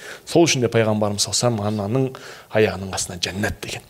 Ә, пайғамбарымыз саллаллаху дәуірінен кейінгі бір дәуірде анасын арқасына салып шау тартқан семіп қалған анасын қажылыққа апарып жаңағы қасиетті қағбаны тауып етіп жүрген кезде пайғамбарымыз саллаллаху алейhi шәкірті абдулла ибн аббасты көріп мен анамды сонау жерден көтеріп міне қасиетті парызын орындатып жатырмын қарызынан құтылдым ба? деген кезде бір толғағының қарызынан құтылдың деп айтқан дейді. бір толғағының ал пайғамбарымыз саллаллаху алейhi болса не деп айтты дейді?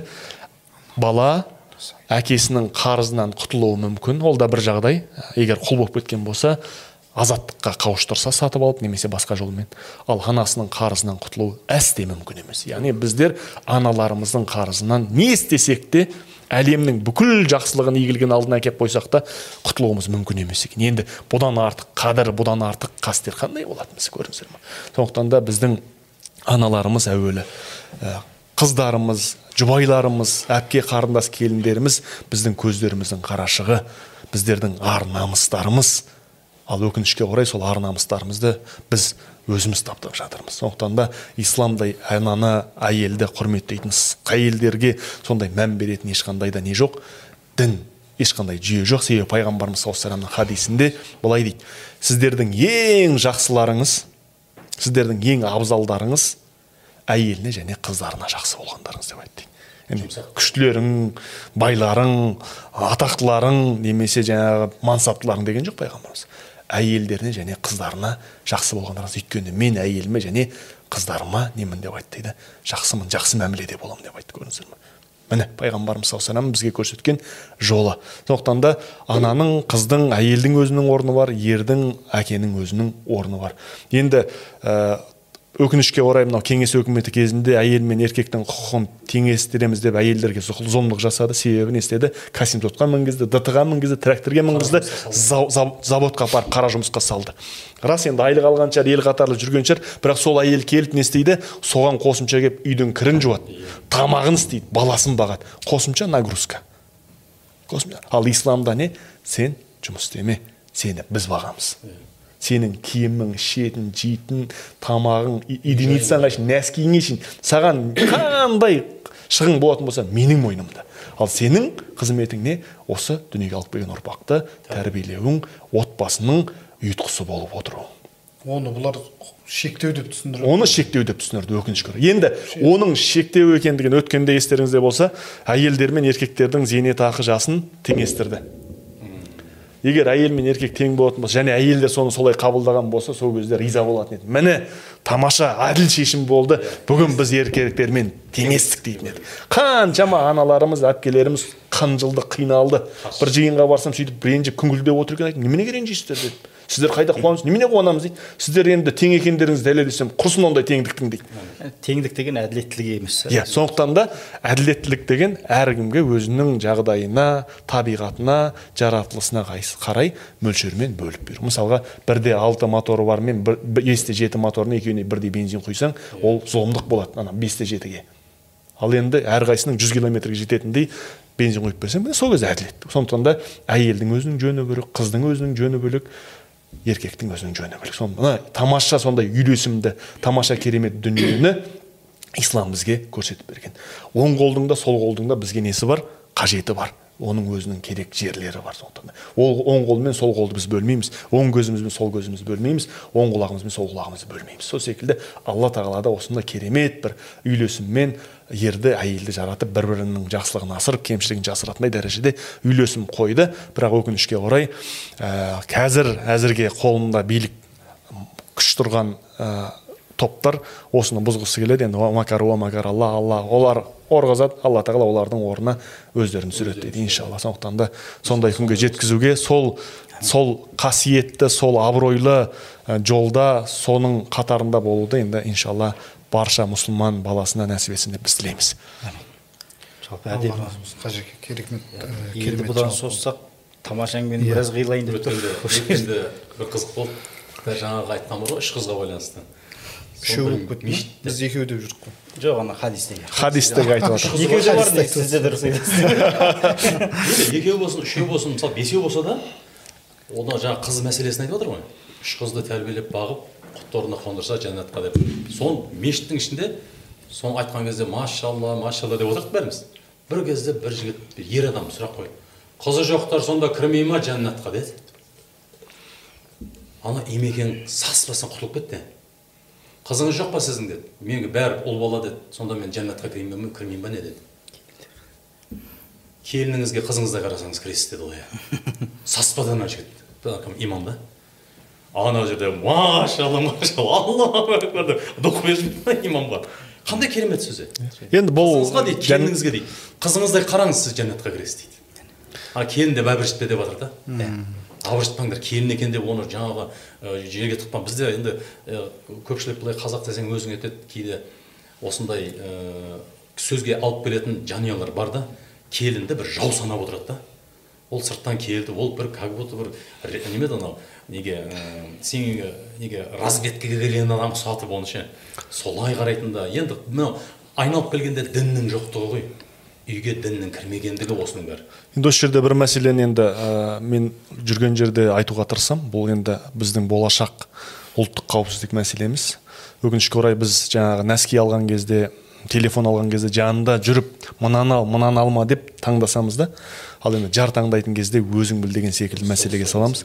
Сондықтан да бабаларымыздың жолымен үрдісімен ә, әкесі жақсы шешесі жақсы көрген текті тәрбиелі иманды адамдармен атастырып құда болып сол мәселеге негізінде көшуіміз келтіру керек. Себебі біз жаңағындай бер деп қазір өкінішке орай жаңағы статистикаға сүйенетін болсақ қорқынышты жағдайлар болып жатыр қорқынышты жағдайлар болып жатыр сондықтан да осы мәселеге біз қазір ә, кірісіп осыны жөнге қоймайтын болсақ ә, кішкене болашағымыз бұлыңғырлау осы мәселеге егер мән беріп ұлт ә, отбасы ретінде ғой. шешетін болсақ иншалла біздің қызымыз да ұлымыз да ә, жаман болмайды деген ойдамыз. Мен ұзымыз бар ғой тағы біздің келін іздейміз да бірақ қызымызға күйеу іздемейміз ғой біз. Бір ар санаймыз ұят санаймыз мысалы да. Ей бірінші қызыңды қатыру керек. Қыздың баратын жерін мынау ә, жақсылап ә, уайымдап ойлау керек әке деген Дұрыс айтасыз, әке дұрыс. ана жақсы жігіт болса соған атастыруға жоқ біз ана қыз не болса ол болсын жаңағы аманат бердік қойдық дейді да келін іздейміз да бассалып келін іздейміз өзі келін кейін келіннің ғой ол мен келіннің қолына қарайды ғой. Я- ят, ят деп есептейміз. Негізі қазанымыз пайғамбарымыз саллаллаху алейхи дәуірінде хазірет омар мысалға хафса анамызға мысалға іздеген мысалы абу бәкір радиаллаху ал деген мысалы. Иә. османға ал деген. Ал кәдімгі қызын ал деген.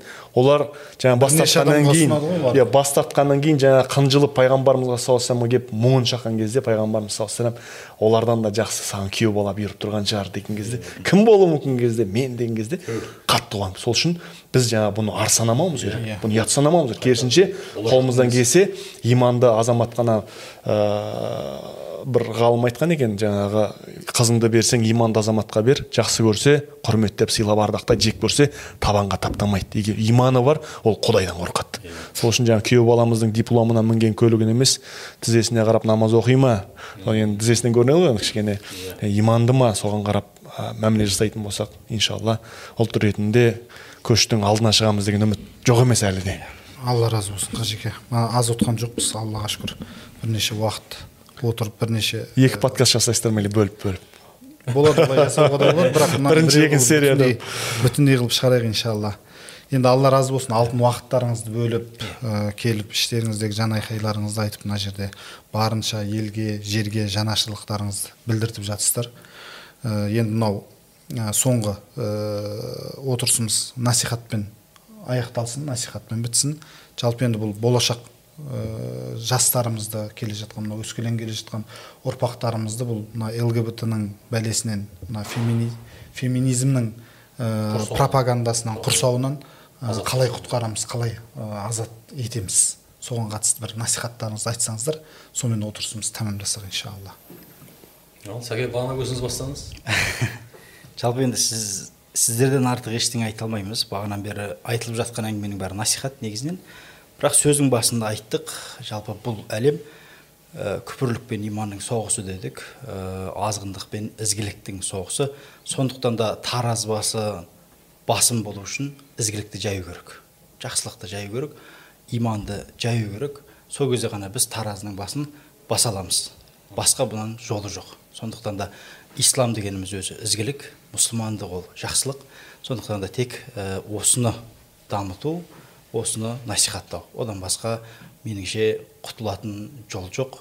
Ә, ол тұрғыдан ағаларымыздың және жалпы барлығымыздың мойнымызда үлкен жүк бар. Алла разы болсын. Қажеке бисмилля бір ауыз мың түрлі ә, қиянат жолы бар арсыздық жолы бар. Әрқайсының атын атап түсін түстеу мүмкін емес. Енді болашақта да өмір сынақ болғаннан кейін әртүрлі арсыздықтардың шығатыны ол айқын. Сондықтан да ә, мың түрлі жамандықты білу үшін бір түрлі жақсылықты ақиқатты білетін болсақ оның жаман екені өзіден анық болады. Сондықтан да жол анық ә, мақсат айқын ол ислам ол иман. Иншалла пайғамбарымыз саллаллаху алейhi салып кеткен сара жолмен жүретін болсақ бізді жау ішімізден де сыртымыздан да төбемізден де артымыздан да яғни алты тараптан да иншалла ала алмайды деп білеміз сенеміз үміттенеміз.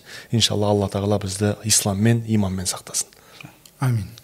Ғалым аға. Енді осы отырысымыздан бір нәтиже шығып жастарымызға жалпы жастар емес барша адамзатқа бір пайдасы тисе екен дейміз. Жақында бір исламның бір қағидатын оқыдым. Үш қағидат бар екен. Адам бір нәрсеге жақындайтын кезде ол қорқады дейді. Неден қорқады? Мысалы жылқыға артынан келуден қорқады екен да. Кез келген адам жылқыға артынан келуге қорқады. Сиырға алдынан келуге қорқады екен. Сөзі бола ма деп. Ал енді наданға жан жағынан келуге қорқады екен да. Жоламаңдар жан жағына деп. Сол себептен мынау ә, жалпы жастарымыз ғой енді көп сөзге тек болып жатқан осының жан жағынан да жоламаса екен осы бәлеге бәлекетке. Жан жағынан да жоламаса екен қай жағынан болса да. Сондықтан енді алла разы болсын баршаңызға ұстаз өзіңізге алла разы болсын. алла разы болсын. Жерден шақырып шақыру жіберіп осы михрабтың студиясына бір кіріп осы жаңағы эфирден бір жақсы сөзімізді әйтеуір бір тамшы теңізге тамған тамшыдай болып қалдырсақ деген бір ниетіміз бар еді ниетіміз тура екен. Мына бүгінге келіп қалдық. алла жазып алла разы болсын иә. нәсіп қылып тұр екен да. Пайдасын берсе екен енді осы отырысымыз. Иә енді сөзіміздің соңын жаңағы профессор атақты ғұлама марқұм шам өлкесінің ғалымы шейх рамадан әл бутидің сөзімен тәмамдасақ сол кісінің бір несі бар екен. Ол кісі негізі көбіне мына сәләфилермен ә, қарсы жұмыс жасап кітаптарын сол бағытта ә, жазып өткен кісі да көбіне. Сол кісінің бір сөзі бар екен. Мен ә, соларға қарсы жаза бергеннен гөрі соларға қарсы насихат қылып мінбәрларда соларға қарсы уағыз жүргізе бергеннен гөрі ә, жамағатыма біздің ә, исламның негізгі құндылықтарын біздің негізгі ұстанымдарымызды үйреткеніміз үйрет, егер үйрететін болсам сол пайдалырақ болар еді деген өмірінің соңында бір айтқан сөзі бар екен. Неге? Себебі бұның барлығы бір ә, кезең бір периодта келіп кететін нәрсе да. Ә, осы мысалы келеді лгбтс болсын феминитасы болсын қайсысы болсын келеді. Бұл осы қазір қайнап қайнап ертең бұл кетеді бұдан кейін басқа біреулер келеді да. Айналып келген кезде ә, әңгіменің бір ұшы отбасы құндылықтарына бала тәрбиесіне келіп тіреледі ғой. Біз отбасымызға ә, бала шағамызға ә, кішкентайынан жаңа бесіктен бел шықпай жатып жаңағыдай дұрыс тәлім тәрбие берсек негізгі өзіміздің ұстанымымызды діни қазақи құндылықтарымызды бала кезінен ә, тілі шыққаннан бастап үйрететін болсақ бұл қандай жау келсін қандай қозғалыс әрекеттер келсін оларға ертең біздің ұрпағымыз бой алдырмайды екен да. Аллах тағала енді мына елімізге келіп жатқан осы бәлекеттен мынау фитна бүліктерден сақтасын. Ә, алтын уақыттарыңызды бөліп келгендеріңізге тағы да алла разы болсын. Рахметіміз алғысымыз шексіз. Иншалла алла бұйыртса алда тағы да жақсы елімізге пайдалы бір тақырып болып жатса сол тақырыптың шеңберінде кездесеміз иншалла.